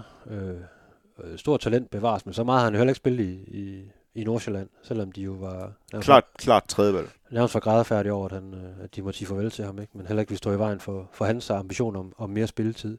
Så det, det, der er ingen tvivl om, det er, en, det er en rigtig dygtig spiller, der kommer ind, men han skal jo også lige tilpasse sig øh, Uwe Røslers måde at spille på, som jeg, jeg tænker er, er noget anderledes fra, fra, hvad han er vant til fra, fra, fra Nordsjælland. Øh, så øh, det, er jo, det er jo lidt spørgsmål om, hvor, hvor, hvor modig tør man være hos Uwe Røsler og hans stab i forhold til at, at kaste ham i ilden. Jeg tror selvfølgelig godt, han kan starte mod, øh, mod Vejle. Og, men det er jo så fordi, at Mads Knuster ikke har, har spillet særlig meget. Nu fik han nogle minutter mod, mod Bryne, ikke? Og, øh, og, en, og en Tobias Anker, som, som øh, de til synligheden ikke, som ellers har fået masser af spilletid, men som de til synligheden ikke stoler fuldt og fast på i forhold til at kunne, kunne starte ind. Nej, ikke endnu. Nej, så jeg, jeg, jeg, kan, jeg kan sagtens se ham starte ind mod, mod Vejle, men jeg kan også se, at han, han, han måske skal have lidt, lidt pause undervejs i foråret, øh, for lige at, at finde sig ordentligt til rette og så videre. Men det kan også være, at han bare tager alle med storm, og så spiller han jo, spiller han jo samtlige kampe i foråret. Det, det kan sagtens være.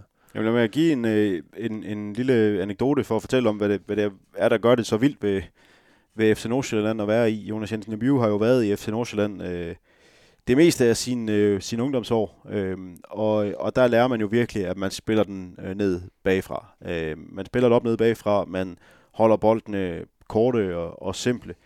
Øh, og det gør du jo også som, som keeper, og der var så en øh, FC Nordsjælland keeper, der var kommet til en Aarhusiansk divisionsklub, og i sin første testkamp øh, bagefter så udbrød han, jeg har fandme aldrig nogensinde sparket så mange lange bolde før. Og det var altså en Aarhusiansk øh, division, øh, divisionsklub, der ikke nødvendigvis bare sjaskede den langt væk i eneste gang. Nordsjælland er det der hold, hvor du bliver tvunget til helt nede på ungdomsniveau og spille den rundt ned i egen bagkæde. Jonas Jensen Ebiu kommer fra en fuldstændig anden skole, end det han skal til i AGF. Øhm, og jeg kan godt forstå, at du ikke vil, vil, vil øh, sikre ham af den grund, at han skal ind på holdet, han skal, han skal lære sine nye holdkammerater at kende. Han er selvfølgelig også, som du nævner, nogen knægt på, på 21 år gammel, der lige, øh, der lige skal finde sig til rette i, at han nu pludselig skal være inde omkring en startplads, sådan helt garanteret. Det har han jo ikke prøvet på noget tidspunkt i, i Nordsjælland. Øh, men, men jeg vil heller ikke helt sikre ham, men jeg tror ham der, han kommer til at spille rigtig, rigtig, rigtig mange kampe fra start. Øhm, der, der er noget sigende ved, at det er ham, der spiller mest tid af alle i den sidste testkamp. Jeg tror, jeg fik sagt før, at han spillede 80 minutter. Det gjorde han ikke. Han spillede 60. Men som den eneste spillede han 60. Ja, det er jo fordi, man rigtig gerne vil. Ja, man vil jo klargøre ham til den her Vejle-kamp. Præcis. Og, øh, og når du så kigger på, på Mads Knuster med en lejeaftale, jamen, jamen, den, den kan jeg da ikke i min vildeste fantasi tro, man forlænger, når man så vælger at hente en mand ind til 10 millioner til at spille samme plads. Så det vil være så enormt kortsigtet at spille Knuster ind fast over på den her venstre stopperposition, hvis Jonas Jensen Abiu bare er lidt god. Og det tror jeg, han er. Jeg tror, han er minimum lidt god. Men omvendt kan man sige, det man så om Mads Knuster, inden han, han blev skadet, altså han spillede nogle rigtig fine kampe faktisk. Ganske, øh, ganske udmærket. Duelstærk og sådan. Øh, så brænder han øh, træningsanlægget af derude. Nu er han begyndt at træne sådan fuldt med, ikke? Øh, over nogle uger og sådan. Så kan man heller ikke se bort fra ham, i forhold til, at han selvfølgelig er... Måske ved, at han, der skal ske noget til sommer, han skal videre eller whatever, men han, han er jo også interesseret i at, at vise rigtig godt frem, ikke? Han er jo... Og han, jo, og han bare bomben til træning, så kan du heller ikke se bort fra ham. Øh, så, så der vil være en spiller, skråstreg to, også en Tobias Anker, som jo også er en langt bedre fysisk forfatning nu, end han var i, i løbet af efteråret. Øh, der vil være to spillere der, som, som rigtig, rigtig gerne også vil, spille, så der, der er nogen, der under ham i nakken. Ja, det er der. Og, og det, det er jo kun sundt for, for, for en Jensen Abiu, at, øh, at han pludselig har den følelse, at der er nogen, der under ham i nakken. Ikke? Øh, Så, så der er nogle muligheder der, men øh, som udgangspunkt, ja, så er det ham, der starter mod Vejle, fordi det, det, selvom han er helt ny, så er det umiddelbart ham, der, der er længst frem. Det, der er værd at bemærke her, er jo, at vi snakker om ham til at spille i venstre side af forsvaret. Han er jo højrebenet, øh, Jensen Abiu. Ja. Modsat Knuster og modsat Anker, så begge to er venstrebenet. Øh, hvilket kan tale lidt op for dem, men, men Jonas Jensen Abiu har ikke noget problem med at spille venstre side. Det gjorde han også i en del kampe i, i HB Køge, hvor han var lejet ud til et halvt år. Det eneste gang, han sådan kontinuerligt har spillet på, på, på seniorniveau. Øhm, så så jeg, jeg tror, han er langt fremme. Altså jo, Mads Knuster skal godt nok være mere end, mere end et niveau bedre end, end Jens Nabiu til træning, fordi ellers så, så er det simpelthen for kortsigtet at lade en, en mand, man har købt for, til 10 millioner kroner, som helt åbenlyst er god nok til at spille Superliga-fodbold og sidde på bænken. Og så skal vi selvfølgelig lige nævne, at øh, man kan jo også vurdere, at det måske lige er en kendt for tidligt stadigvæk, og så er der ingen tvivl om, så bibeholder man øh, Felix Beimo nede på, øh, på øh, nede i bagkæden som den venstre stopper, fordi man jo stadigvæk har, kan man sige, rigelige spillere, der, der, kan, der kan træde til på de her wingbacks. Det er jo også en, en realistisk mulighed på, på mandag, at man simpelthen kører det sikre kort øh, med det, der fungerede i, øh, i efteråret, ikke? Med, med en Beimo. Det kan man sagtens. Ja. Øhm, målmandspositionen. Øh, de har jo egentlig skiftet meget i de her testkampe. Øh, Ja, det har de. Altså, som de jo så også gjorde langt hen ad vejen i, i efteråret. Og det, det er virkelig en position, hvor det, det er svært at blive, blive klog på noget som helst. Fordi du, som du tidligere var inde på, så er Uwe Røsland en træner, der, der rigtig gerne vil spille med de, med de samme som udgangspunkt fra kamp til kamp. Øh, hvor, hvor målmandspositionen, der har du sådan lidt øh, indtryk af, det var sådan lidt efter, så var der nogle skader, og så var der lidt, altså, men, øh, men det har godt nok skiftet meget, og det har det jo også egentlig gjort overraskende meget her i, øh, i opstarten, hvor det, sådan, det lugter lidt af, at han er sådan lidt 50-50-agtig. Så må vi se, hvem der er bedst til træningen den sidste uge op til, til kampen. Ikke? Hvor jeg er ikke i tvivl om, at han, han vil rigtig gerne have øh, Pico Farrell til at, til at fungere og, og ligesom være hans faste første målmand. Det var derfor, man hentede ham ind, ikke? og ligesom sagde til Jesper Hansen, du skal nok belave dig på at, at blive reserve øh, fremadrettet. Men der er bare de her skadesproblemer hos øh, Peacock Farrell, der, har- der har gjort, at han ikke sådan, øh, har været fuldt ud med i, i alle træninger i opstarten, og det, det kan jo så pege i retning af, af en Jesper Hansen, men øh, jeg tror, hvis, de, hvis han melder sig klar, om, så, så er det, den, så er det den, den store englænder, som jo så er nordisk landsholdsspiller, som, øh, som bliver foretrukket trods alt. Øh, også fordi, igen med, i forhold til det lidt længere sigte, øh, så ved jeg godt, at øh, de har jo begge to, øh, deres aftaler ophører begge to til, til sommer, ikke? men øh, jeg tror, der er AGF går med en drøm om, at man måske kunne, kunne lave noget permanent med, øh, med Peacock, Peacock Farrell. Men så skal han jo også vise noget. Og, og, og det, der er med, med Peacock Farrell her, det er, at der har manglet noget i en del af kampene jo. Også fordi han jo i, i nogle omgange har endt med at sidde ude. Øh, først det her røde kort mod, mod Brøndby, det, det var da den første streg over i, i den negative kolonne. Øh, og så, så sad han jo også øh, ude i, i to kampe, og så på bænken i den sidste, øh, med sådan en lille, en lille småskade. Og det, fodbold handler jo bare om at være klar. Og, og når du som keeper øh, ekskluderer dig selv fra to perioder i løbet af et efterår, så giver du en anden mulighed for at stå.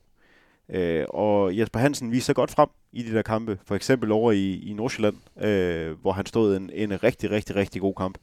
Og det gør jo, at vi bare også må sige, at Jesper Hansen er en dygtig målmand stadigvæk. Altså, det kan godt være, at han er oppe i alderen, men han passer sgu på sin krop, ham der. Han, han, er, han er langt fra færdig nu, og Jesper Hansen har også ytret et ønske om, at han, han godt kunne se sig fortsætte med at, at spille fodbold efter, efter sommer. Og som du siger, de har begge to kontraktudløb.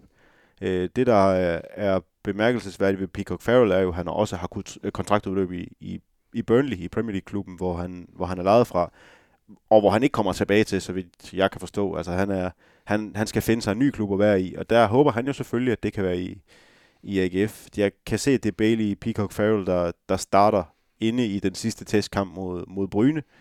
Øh, Ja, med det, der ligesom ligner en A-kæde, ikke? med det, der ligner den, den, den primære A-kæde, ja.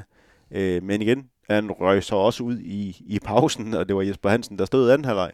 Øh, så som du siger, jeg, jeg tror, den er åben, men jeg tror, at når Peacock Farrell trods alt starter ind i den der øh, sidste testkamp, så må det, der må ligge et eller andet i det. Øh, og jeg, jeg er også ret sikker på, at han, han står mod Vejle og, og står, når han er klar, eller hvis han begynder at lave, øh, lave cirkusnummer nede i, i feltet.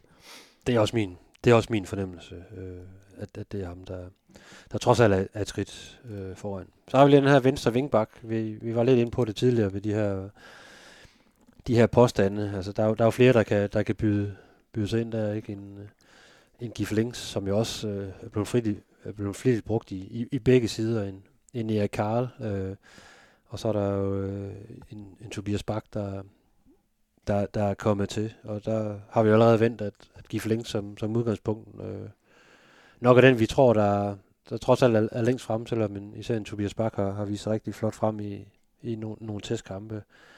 Øh, så også har haft lidt skadesproblemer, men det har Gif Links jo sådan set også øh, hen over en periode her på den, på den anden træningslejr.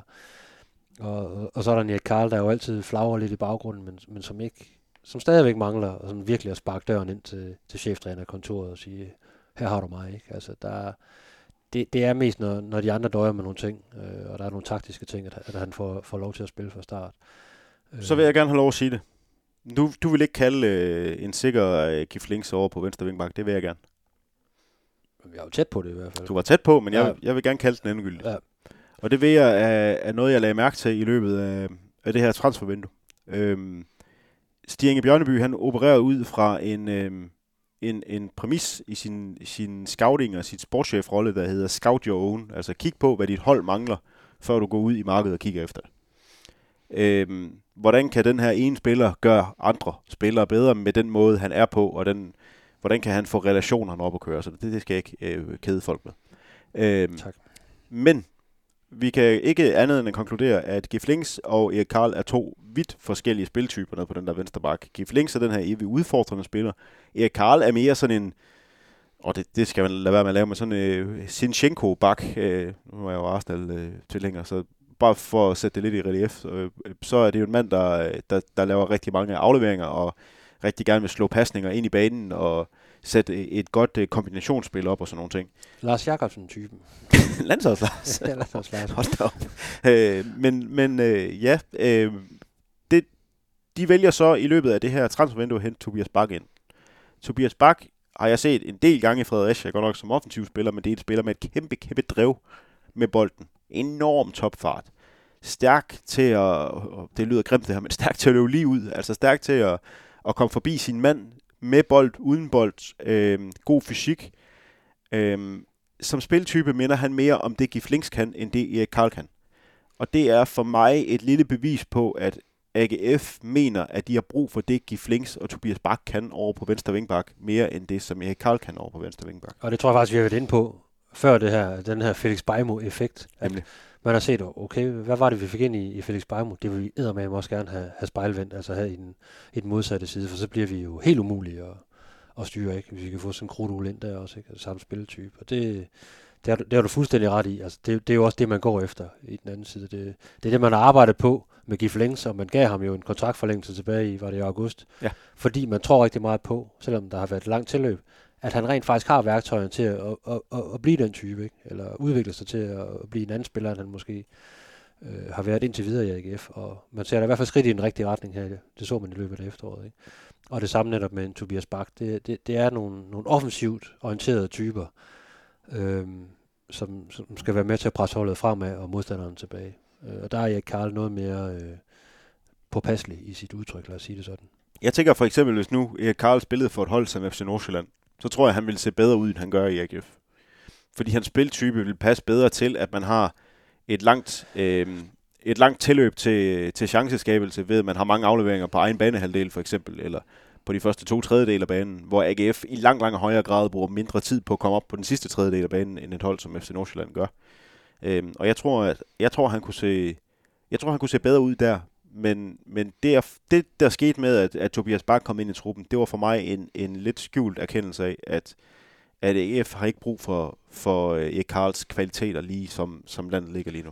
I hvert fald, hvis man har hentet ham ind øh, og, og, og tænkt på ham som en, som en vindbak. Ikke? Ja. Øh, øh, det er jo lidt spørgsmål, om, om det er noget, man ligesom har set de første gange til træninger, og det har været lidt i lyset af, at man havde nogle skader, og så prøver vi lige dig, Tobias Bak, den nye mand, ikke? fordi da jeg snakkede med ham lige efter han var kommet til klubben, der, der nævnte han jo selv, at han, han er jo den her spiller, der gerne vil spille frem på banen, og, og så sig selv i sådan, den her 10'er-rolle, som han også har spillet tidligere, øh, fordi han er meget offensiv minded. Ikke? Så, så der skal også noget omskoling til med ham, øh, rent defensivt, før at, øh, jeg tror, det sidder lige, lige i skabet. Ikke? Så Det skulle det også med, med Gif Links. ja, Øh, men det sjove er, at den næste, næsten den bedste kamp, jeg har set Gif Links med på, på venstre wingback, det var den allerførste kamp, han spillede, en træningskamp mod OB, hvor han splittede det hele fuldstændig ad. Så Ja. begyndte han at få alle mulige desinger og instrukser ind, så, så begyndte han at blive lidt mere påpasselig lige pludselig. Så kørte det lidt rundt i op i hovedet. Det sker nogle gange med, Ja. med fodboldtaktik. Jo. Men der er ikke tvivl om, i forhold til den sådan, uh, idealopstilling, det er jo det er jo fuldstændig ud fra, hvor mange øh, skader, og hvornår eventuelt nogle, nogle, nogle vigtige spillere kan komme tilbage, og, og hvem der er tilgængelige og så videre. Ikke? Så der, der er i hvert fald muligheder på de forskellige positioner. Det, det tror jeg, at vores, vores diskussion af det her øh, har, har vist. Øhm, det her AGF-hold i, øh, i stort set stærkeste øh, opstilling, det er top 6 hold, jo. Jo, det jo, altså, jo, jo. Det, det, er det jo allerede nu, fordi de ligger i top 4. Kan de få nogle af de her skadespillere tilbage og, og bygge på der, så er det jo selvfølgelig et top 6 hold. Spørgsmålet er så, er det også et medaljehold? Nej. Altså, nu vandt de jo, øh, vandt de jo bronze øh, sidste sæson. Øh, kan de gøre det igen? Det kan de godt. Altså, Ja. ja. det, det, det, er jo ikke, det er ikke, det er ikke umuligt. Jeg ville heller ikke have sagt, at vi startede sæsonen op øh, med at se AGF spille mod, øh, mod OB i den der stormkamp deroppe i, i Aalborg, at øh, der ville jeg da heller ikke have sagt, at, at de ville vinde bronze. Der var de af point med altså Horsens på det tidspunkt, der lå nummer syv, ikke? Øhm, men, øh, men, men det kan de godt, men, men jeg tror ikke, de gør det. Øh, jeg, tror, jeg, jeg, jeg tror, jeg har for stor fidus til både Brøndby og Midtjylland i deres styrker. Jeg er overbevist om, at FC København bliver bedre, end de var i efteråret, hvor de helt tydeligvis også løb tør for kræfter, efter at have spillet et hav af europæiske kampe. Øhm, så, så jeg tror faktisk, de tre hold er stærkere. Øhm, Nordsjælland er jeg lidt mere tvivl over for, om, om de er stærkere end AGF. Jeg tror, de ligger og, og bobler mere om en fjerdeplads.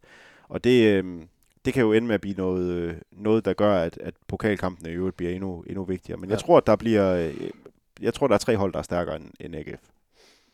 Der er ingen tvivl om, øh, jeg kan sagtens se dem spille med om, øh, om medaljer. Jeg kan, også, jeg kan også godt se dem inde på en femteplads i det her slutspil. Ja, det kan jeg også.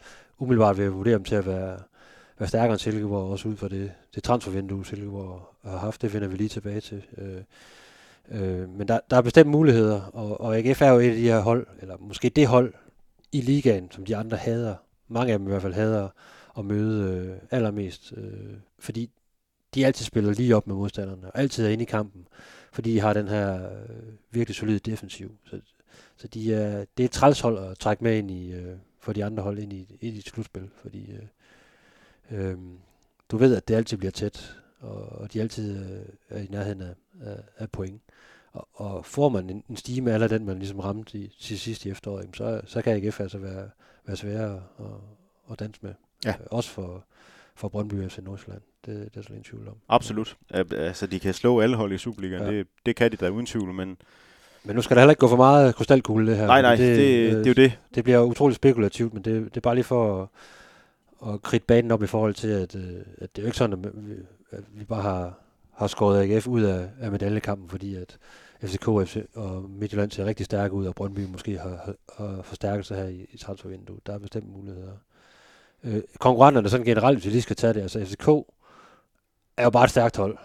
Og har en vanvittig trup. Sindssygt godt. Især når alle mand er, er fit for fight, ikke? De har fået øh, en Madsen ind, og de har fået en McKenna ind. Øh, de ser faktisk styrket ud i forhold til, Jeg synes, det ser bedre ud, ja. Jeg synes, det, øh, hvis de kan få brækkerne til at, at passe sammen ind på banen. Det er jo altid det. Øh, det kan godt være, at du henter en spiller ind, som ser vild ud. Med, men hvis han ikke passer ind på, på holdet, eller ikke, øh, ikke rammer sit niveau, så kan det jo være lidt, være lidt ligegyldigt. Det er jo Jack Wilshere øh, et meget godt øh, eksempel på, ikke? Brøndby synes, synes jeg også ser styrket ud. Øh, har fået Philip Bundgaard ind, en spiller rigtig mange klubber vi giver deres højre arm for, for at få ind i en, en trup, ikke? Og så har de fået en, en belgisk øh, stopper ind, øh, Van la Berge fra Michelin. Øh, ham kender jeg ikke en, en pind til, skal Nej. jeg være helt ærlig at sige, men... Øh, det er der, vi må stole på, at øh, der er nogle sportschefer, der gør. Ja, men øh, umiddelbart altså et par forstærkninger, par spillere, der i hvert fald er hentet ind for at kunne træde direkte ind i, i startopstillingen. Øh, FC Nordsjælland er, er jeg også lidt mere loren ved, øh, som du også nævnte. Altså, de har, de har mistet en Diomande, som i min verden øh, var en af de bedste offensive midtbanespillere øh, i, i hele Superligaen. Hvis Jeg synes, han var forrygende. hvis ikke, det hvis ikke den bedste, øh, på hans gode dag i hvert fald. Ja. Men var utrolig vigtig for, øh, for Midtjyllands øh, omstillingsspil, opbygningsspil, hele vejen rundt. Øh, ham har de mistet, og det, det kan godt vise sig som et, som et stort tab, selvom du ved derovre i farmen, det, de finder altid på, på en eller anden øh, en eller anden ny ung mand, der, der træder ind, eller nogen, der har stået i, lidt i kulissen. De har også en Schellerup, der, der måske ikke fik så meget spilletid i efteråret, som, som så kan være fuldstændig vanvittigt her i foråret. Ja, sig Dan Demir, der, der næsten ikke har spillet, som... de har masser af muligheder for at, og ja, netop også få brækkerne til at passe sammen, så de, bliver, de kan blive rigtig giftige. Men det kan også gå lidt den anden vej, og de kan, det kan tage noget tid, før de, de, de er der. Ikke? Øh, og så er der et... Øh, jamen, FCM, synes jeg, meget status quo. Og lidt ligesom AGF, så kan det jo også være en kæmpe fordel, at du, du beholder stammen og, og dem, der ligesom trækker læsset. At du ikke har været ude og, og, og kaste nogle profiler væk. Øh, de så rigtig, rigtig stærke ud. Øh, især det sidste i, i efteråret, ikke? Og det, det, det satser de jo på, kan, kan bære dem igennem foråret også til, til, til guldmedaljer. Ja, de, de er måske bare lige på den helt korte bane, måske lidt svækket af, at uh, Cho har spillet asiatiske mesterskaber hele ja. januar, øh, og endte med at ryge ud i en, i en semifinal mod Jordan af alle hold. Men, men det kommer til at koste lidt på, øh, altså i de første kampe, fordi han, han har været igennem et rigtig, rigtig, rigtig hårdt januar måned. Nej, han, skal lige, han skal lige strække lidt ud, inden han er klar igen. Det, øh, men han er så vist også i ganske god form. Nej, de har jo ikke brugt nogen øh, øh, penge overhovedet i. Midtjylland, udover de hentede øh, kammerat i Randers. Ja, det er jo Det er jo det er super. spændende. Og så er der jo så øh, SEF, Silkeborg, IF, som jo også øh, ligger inden for i, i, i top 6. Øh, der er vi sådan enige om, øh, de ser svækket ud. Tobias Salkvist, øh, det er en svækkelse. En kæmpe svækkelse. det vil være en svækkelse for alle hold i Superligaen, øh, undtagen FC København. Og Søren Tingstedt, som jo brændte banen af, da han var i AGF, øh, men som har gjort det virkelig godt i, i Silkeborg, er også røget afsted. Øh, det synes jeg egentlig er, er to øh, markante spillere. Var det i hvert fald for dem i, i efteråret også. Ja, så tænkte det blev faktisk lidt markant. Ja, Salkvist tidligere har jo været en gennemgående figur, ikke? Øh, I, i, de, øh, I de perioder, han har været i, i, i klubben, var jo lige afsted til udlandet. Det gik mindre godt, så kom man tilbage og var igen en, en, en faktor. Så ham kommer de til at, til at mangle. Og så sådan på den helt øh, pri- private front, så er vi jo rigtig glade for, øh, at de har hentet nogle spillere, som Frederik Riber for os fremad. Ja, det er spændende. Det er rigtig, rigtig Ikke? spændende. Og en øh, Mads Larsen fra, fra Esbjerg, som jo er din personlige favoritspiller. Det er ikke så over- spændende, nej. Over alle. Ja, det, Øh. det, kommer, det, det er jeg ikke umiddelbart sikker på. Men Nej. øh, ja, Men, men altså, Silkeborg ser faktisk lidt svækket ud, og det, det kan jo komme AGF til gode, kan man sige. hvis man, man skal lave sådan en, en, en gruppering af det, så føler jeg, at der er FC Midtjylland, FCK, de ligger for sig selv i toppen, fordi jeg føler, at de er bedre end Brøndby. Enig. Så synes jeg, at Brøndby kommer lige efter, så kan du diskutere, om gruppen den hedder Brøndby AGF Nordsjælland, eller om den hedder Brøndby med et hul ned til AGF Nordsjælland. Jeg synes ikke, der er et hul ned. Det synes du ikke, men Nej. så samler vi de tre der, og så synes jeg, der er endnu et hul ned til Silkeborg, som virker ringere end de andre fem. Øhm, de har bare lavet så mange point i starten af den her sæson, at de ender med at gå i top 6. Også fordi jeg kan ikke se øh, Lyngby lave øh, 12 point ud af 15 mulige. Jeg kan ikke se Viborg gøre det. Jeg kan ved Gud heller ikke se OB eller Randers gøre det.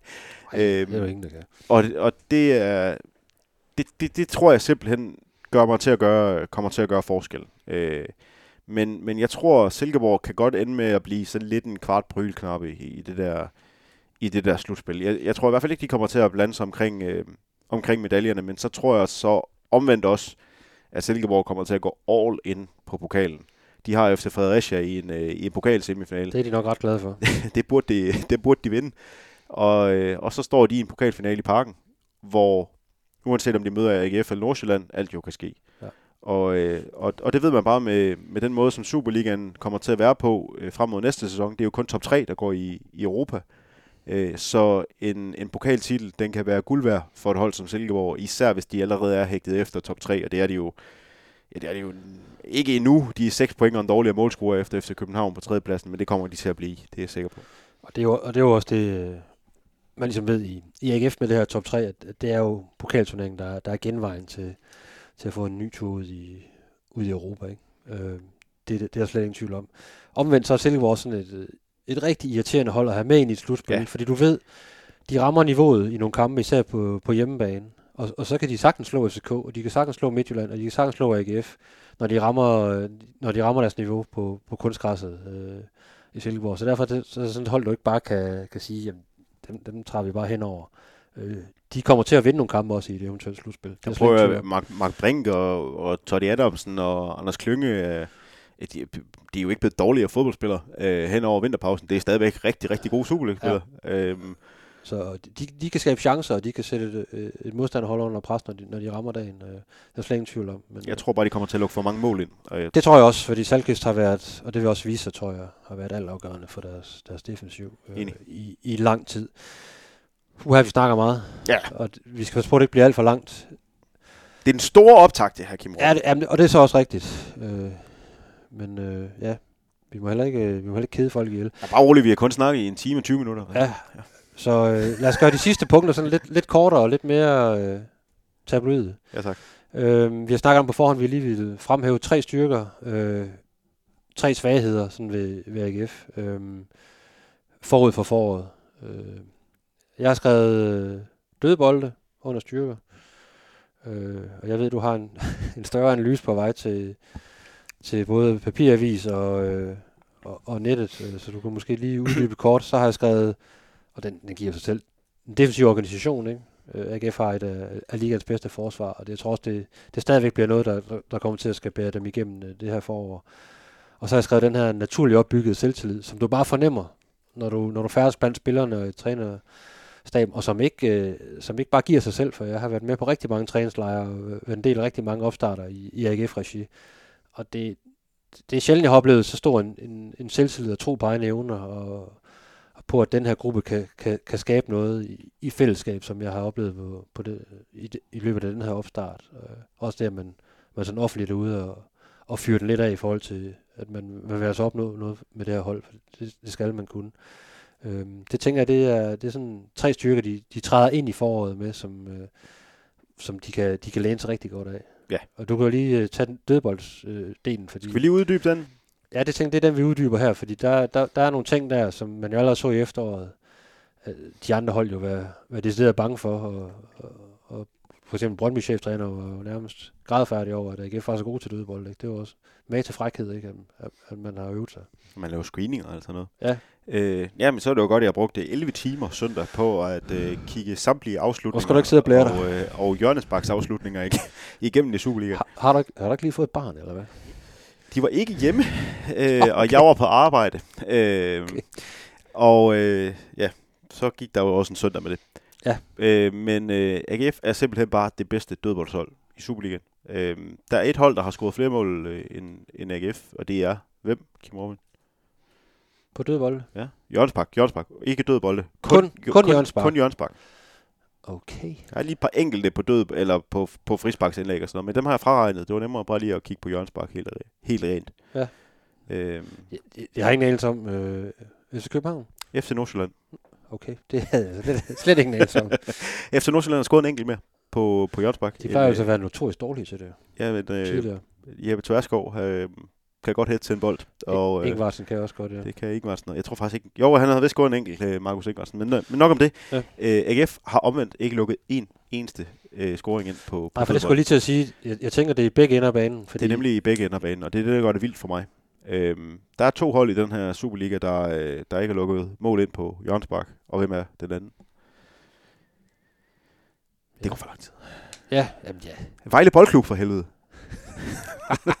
Okay, dem ligger næst sidst. Ja, det, De er fremragende til at forsvare eget felt. De, øh, øh, ja. der er åbenbart noget med Alba- Albentosa og Koling og Velkoff og Brogsgaard. De kan åbenbart godt forsvare eget felt. Så kan jeg to sig, der finde ud af et eller andet. Ja. Ja, øh, stor dos. Men han, øh, det er et AGF-hold, der er usædvanligt god på, på Jørgensbak. De sluttede efteråret af med at være usædvanligt gode på Jørgensbak. To scoringer efter, efter Jørgensbak mod, øh, mod FC København. Øh, har scoret øh, to gange, for eksempel den der kamp mod DVTK øh, fra Ungarn, der scorede man to gange på Jørgensbak. Samme model som mod FC København. Ind af skruet til forreste stolpe, den virker hver gang, når man har Ting er og Anker, ikke? Tobias Anker som den anden, ja. Øh, virker hver gang, når man, øh, når man kommer ind og, og har to meter, to meter høje spillere. Øh, Felix Beimo scorede faktisk mod Ishøj, for eksempel, på det tidspunkt, hvor der stadigvæk stod 0-0, og hvor vi var nået hen i anden halvleg, og lige var begyndt at tænke, uh, hvad fanden er det egentlig, der lige foregår her? Men han, og han er jo fremragende til at komme på anden stolpe. Præcis, han scorer mod, øh, mod Brygge også, Ja. øhm, øh, på hjemmebane. Øhm, hvis man tager frispark med, så scorer Janis Serra på, på frispark i pokalkvartfinalen mod Brøndby. De der dødbolde, de er, øh, de er, de er alfa omega, og især hjørnsparkene, og især defensivt, hvor, øh, hvor jeg synes, at AGF virkelig, virkelig er frygtindgydende. Og, og det er jo der, jeg tænker, at AGF, det er jo et virkelig godt våben at gå ind i et øh, potentielt mesterskabsslutspil med. Det her med, at, at du, og det gør AGF, de spiller rigtig mange tætte kampe, hvor det er inden for, for, for et mål til den ene eller den anden Der side. er meget, meget lav øh, goal swing, øh, ja. Det, at du kan forsvare dit felt så godt på, øh, på, på hjørnespark, og så at du er en trussel i den anden ende, og er begyndt at blive det, for vi har jo ved Gud efterlyst det i mange år, hvor vi har syntes, at AGF burde være bedre på de offensive dødbolde, i og med, at de har nogle rigtig gode hætter i, i Mortensen, Tinger, øh, tidligere TK, nu øh, er der, også, er der også en anker, der, hvis han er på banen, ikke, er også et, et, et fyrtårn, ikke, altså, og så videre. Øhm, at det er begyndt at, at sidde skabet nu, ikke, også fordi man har fået nogen, der sparker nogen rigtig gode øh, hjørnespark. Jeg giver flink til alle mennesker. Øh, det er jo en kæmpe styrke at have, og, og noget modstanderholdene er nødt til at forholde sig til. Øh, så, kan du, så kan du godt være FCK, øh, men hvis de ved, at AGF, og det har man jo også set jo, er så stærke på, på de her øh, standardsituationer, så, øh, så skal man jo forholde sig til det. Og det, øh, det er en kæmpe styrke, fordi det bliver tætte kampe. Mange kampe i slutspil, der er slet ingen tvivl om. Lige præcis. Så ja, jeg glæder mig til at læse din, din analyse, hvor der ligger 11 timers research bagved. Det kan kun Jeg er ikke færdig. Jeg, jeg, er jo, øh, jeg, er jo- jeg er jo slet ikke begyndt at analysere Jørgens Parks metoderne endnu. det er det, jeg skal bruge min arbejdsdag på i morgen. Hold kæft, jeg får helt søvn i øjnene, her, jeg tænker på det. Nå, jamen, øh, Så længe du bare kører avisen, så er jeg ligeglad. tre svagheder. Øh, man skal pege på nogle ting, så er det jo selvfølgelig, og det giver lidt sig selv, det har vi også talt om, det er jo offensiven. Øh, der stadigvæk er, er en svaghed i forhold til at, at, at kunne kreere flere chancer. Øh, AGF har egentlig været relativt effektiv i de her testkampe. Altså scoret på, på mange af de chancer, de så har fået, i hvert fald de åbne chancer. Øh, men det bliver spændende at se her i foråret, især i de, i de første kampe, hvor, hvor meget kan man komme frem til. Så, så det er jo klart, det, det er et fokusområde, og, og noget, man vil, der vil være rigtig meget spotlight på. Ikke? Så er det klart, at det her med skader, skråstreg rust hos nogle af de spillere, der er på vej tilbage fra skader, kan blive en kæmpe faktor. Øh, ikke så meget i forhold til top 6. Vi føler os ret sikre på, at AGF nok kan komme i top 6. Men kan de, de her fem kampe skrabe nok point sammen til, at der, der så ikke er for stor afstand op til, til de forreste? Det kan jo også, øh, det kan også være, være, være et tema, for du gider heller ikke at træde ind i top 6, og så er der, så er der 10 point op til, til tredjepladsen, og, og, og potentielt også øh, 6 point op til, til fjerdepladsen, eller hvad ved jeg. Du skal også være, altså, du skal være inde i varmen der, ikke? Altså, øh, så, øh, så det bliver rigtig interessant at se, hvor mange der bliver klar, og hvilket niveau de spillere, der så spiller, rent faktisk er på fysisk og, og i kvaliteten øh, inde på banen. Ikke? Og så har jeg en, en sidste ting, som vi har snakket om rigtig mange gange, er den her med, Tinger, Frederik Tinger skal spille. Og der har jeg bare sådan, det er i sig selv en svaghed, at du er så afhængig rent defensivt af én spiller, når så meget af dit spil afhænger af, at defensiven står godt. Og det er jo egentlig, det er jo egentlig vildt, at AGF er så dygtig øh, defensivt, når vi, når vi ligesom mange gange har snakket om, at meget af det beror rent faktisk på, at Frederik Tinger, han skal bare være klar. For ellers så kan det godt ramme det hele. Ja. Fordi det er ham, der styrer det. Og du mangler en styrmand, hvis han ikke er med. Han har ikke været skadet i, i efteråret. Han spiller, jo, han spiller jo bare igennem, ikke? Men det kan jo opstå. Og så, øh, så er det en klar svaghed i den trup, der er lige nu, at vi ikke ser nogen, der, der bare kan træde direkte ind og, og være den nye styrmand. Jeg, øh, jeg, jeg synes, vi skal udfolde lidt øh, lige kort den her ting af ting også, fordi hvem er erstatningen? Altså nu er Tobias Anker jo blevet prøvet af nede på den centrale centrale del, men hold op, var der langt fra, fra Tinger til Anker stadigvæk. Øh, Michael Lakoto har spillet det i meget, meget minimal grad tidligere i Tyskland, men det er jo det. Altså det, det der med at skulle spille den midterste af tre øh, stopper, det er en, en helt speciel opgave, som langt fra alle stopper kan, fordi Fordi du skal, du skal være meget verbal, du skal være samtidig med, at du har styr på dit shit. Og der er rent faktisk mange øh, stopper, som er rigtig gode duelmæssigt og rigtig gode forsvarsspillere. Men de skal så heller ikke koncentrere sig om så meget andet, end det for nu at, at, at sige det, skal det helt ind til benet.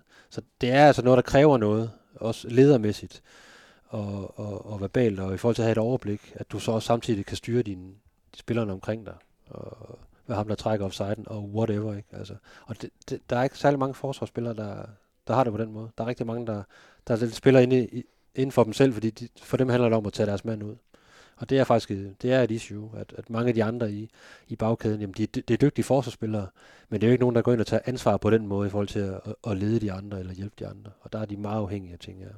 Og når man spiller i tomands midterforsvar, så, øh, så sker der ofte det, at der er en relation mellem de to midterforsvar, der er så indgroet og så indet, at du ved godt, at når du gør X, så gør din makker Y. Når du er tre dernede, så er der lige pludselig, øh, så er der lige pludselig en hel del flere aftaler, der skal være på plads. Og det kan gøre, at du kan lige blive lidt øh, omtumlet øh, i, din, i din positionering. Du kan lige begynde at tænke lidt for meget, og så, øh, så spiller det ikke. Og det, øh, det er rigtigt, at, at der er ikke nogen, der kan, kan det her, Frederik Tinger Nej. kan. Og, øhm, og, og det er øh, det er spændende, men han har også holdt sig skadesfri. Øh, og det, øh, så længe han gør det, så står AGF stærkt. Men hvis han en dag bare rammer en lille skade, altså en Ja. fiberskade, hvor han sidder ude i to eller tre uger, så står AGF rigtig, rigtig svagt. Det er Jeg, jeg, AGF's MVP, det der. jeg er ingen tvivl om det. Jeg har tidligere advokeret for, at Felix Beimo kunne være en løsning, ikke? fordi han er også en meget verbal spiller. Men der er også det med Felix Beimo, at hvis han, når han engang imellem rammer øh, en, en lidt dårlig kamp, eller kommer skidt fra start, så har han det også med at gå lidt ind i sig selv, og så netop det her med, så koncentrerer han sig meget om at komme tilbage i kampen, og, og gøre det, han skal. Og så er der nogle spil, så glemmer de rent faktisk, jeg er faktisk en, en ret verbal spiller, og så, så, så hører du pludselig ikke noget fra, fra vedkommende. Og det, det er faktisk et, et issue med, med Felix Beimo, hvor du er aldrig tvivl om, hvor du har Frederik Tinger, fordi øh, om han spiller godt eller mindre godt, så øh, skal han nok åbne munden og, og sige noget og give sin mening til kende og dirigere med de andre. Øh, og det har han bare naturligt til spil, og ja. det er der ikke nogen af de andre forspillere, der har. Øh, så ja. Så det, øh, ja. Og Vejle på mandag, ja. Ja. Øhm, man kan kalde det en blød start. Øh, jeg ved, at, at cheftræner i Superland, de havde det der med, det, det er et nemt startprogram, fordi der findes ikke noget nemt startprogram efter en vinteropstart. Nej. Fordi, igen, banerne, vejret, usikkerheden omkring, hvor dit hold står, øh, hvad har de andre arbejdet med? Rent fysisk, kan vi stå distancen? Øh, hvor mange spillere kan stå distancen? Der er rigtig mange usikkerhedsmomenter, som gør, at de her spillere, eller de her kampe, de første par kampe, tit bliver noget værd rod. Og de her niveauforskelle, der kan være i en trup, kvalitetsmæssigt, mellem to hold, om det er bund eller og top, ikke? De, de bliver udvisket noget mere, end når du kommer længere hen på, på foråret. Så øh, det kan også være, det behøver ikke at være en fordel, at du møder et bundhold i den første kamp, for de kommer bare med alt, og skal have en god start på foråret, ikke? og har en tro på, at de kan overleve. Så det kan faktisk være lige så svært som at skulle møde øh, FCK eller Brøndby eller whatever. Ja, Vejles opgave for foran sådan en halv sæson, den er jo, den er jo klar. Den er jo virkelig også klar, end den er for AGF jo. Altså, de skal bare blive nummer 10, dem der. Ja, og de er fuldstændig ligeglade med, hvordan det kommer til at se ud. Og der er ikke det der med, at vi skal have et lækkert øh, offensivt output, og det skal vi arbejde os hen imod. Nej, de har én ting, og det er, at de skal overleve. Så de skal nok bide sig fast i haserne på modstanderen, og så må det være så grimt, som det nogle gange er. De skal bare resultater. Og det kan jo være svært nok at møde det øh, som, øh, som hold, ikke? Jo, og, og så lige er der også, der er to hold under stregen, men det er på vidt forskellige måder, det ligger under stregen. Altså, Vejle har jo defensivt faktisk været stærke. Ja, De har sgu, de er kun lukket 21 mål ind. Det er, det er det samme som FC København. Det er en mindre end, end øh, FC Midtjylland, øh, der, der fører Superligaen. Øh, Vejle har i den der trebakkæde faktisk vist sig rigtig, rigtig fint frem, og især med en keeper, der har vist sig rigtig, rigtig, rigtig Ja. fint frem.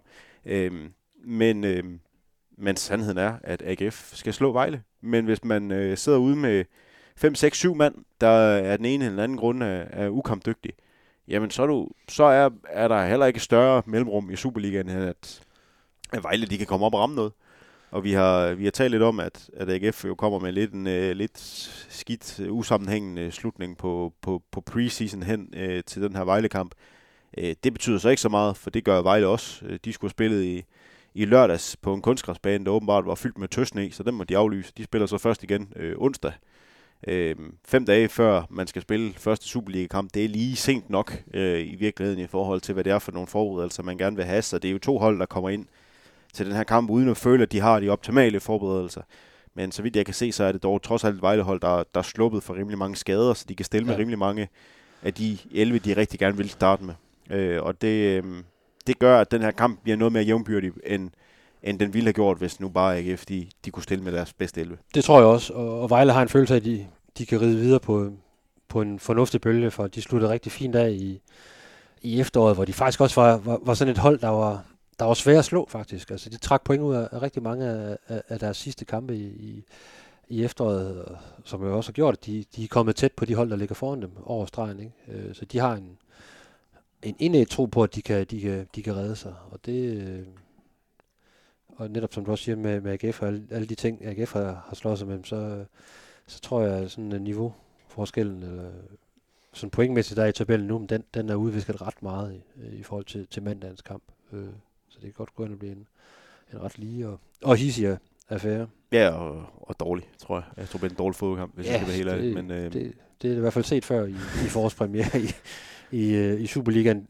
Hvis vi lige til sidst tager det, det resterende program, øh, lige nævne det igen for AGF, de, de får så to hjemmekampe efter den her Vejle-kamp mod øh, topholdet FC Midtjylland, og så OB, og så er der en udekamp på kunstgræsset i Silkeborg, og så en hjemmekamp mod, øh, mod Hvidovre. Hvis man kigger på de her fem kampe, øh, hvor mange point skal AGF bruge for at være sikker på at og ligesom komme i top 6, som, øh, som er det, det mål, de har lige nu, og det er at ligesom indløse billederne til top 6, og så tager de den derfra. Tre. Tre, det er rigeligt. Ja, Lyngby, så det vil kræve, at Lyngby, de, øh, de laver, øh, Det vil så kræve, at, at de laver jo tre sejre som minimum.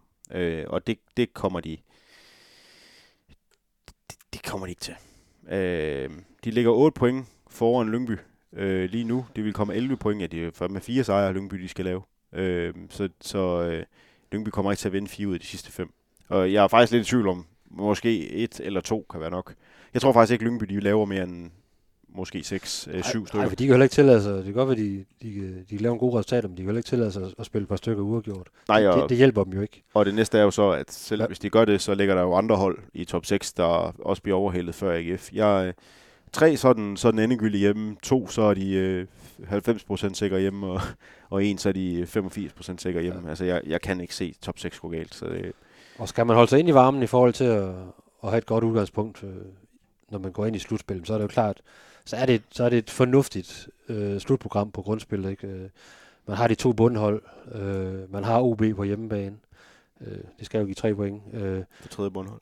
man har øh, FC Midtjylland, som er tophold, men trods alt på hjemmebane, ikke? Øh, i, i kamp nummer to, hvor det også snilt kan blive rigtig, rigtig grimt. Ikke? Øh, det, kan, det kan kun være til AGF's fordel, øh, så man kan lave en rigtig duelpræget kamp. Øh, og AGF kan jo godt finde ud af at, at slå Midtjylland rent faktisk. Det, det, det gør de jo en gang imellem. Og så er der jo lige den der kunstgræsbane i, i, Silkeborg, som, som altid er et kæmpe spørgsmålstegn. Ikke? Øh, men, men der er der, der, er der grobund for at, at trække nogle, nogle, nogle flere point med ind i, i slutspillet. Det er så ingen tvivl om. Ja, jeg er enig. Udover de tre, som, som vi måske kan sige er, er minimumskravet for at, at, at komme med i top 6.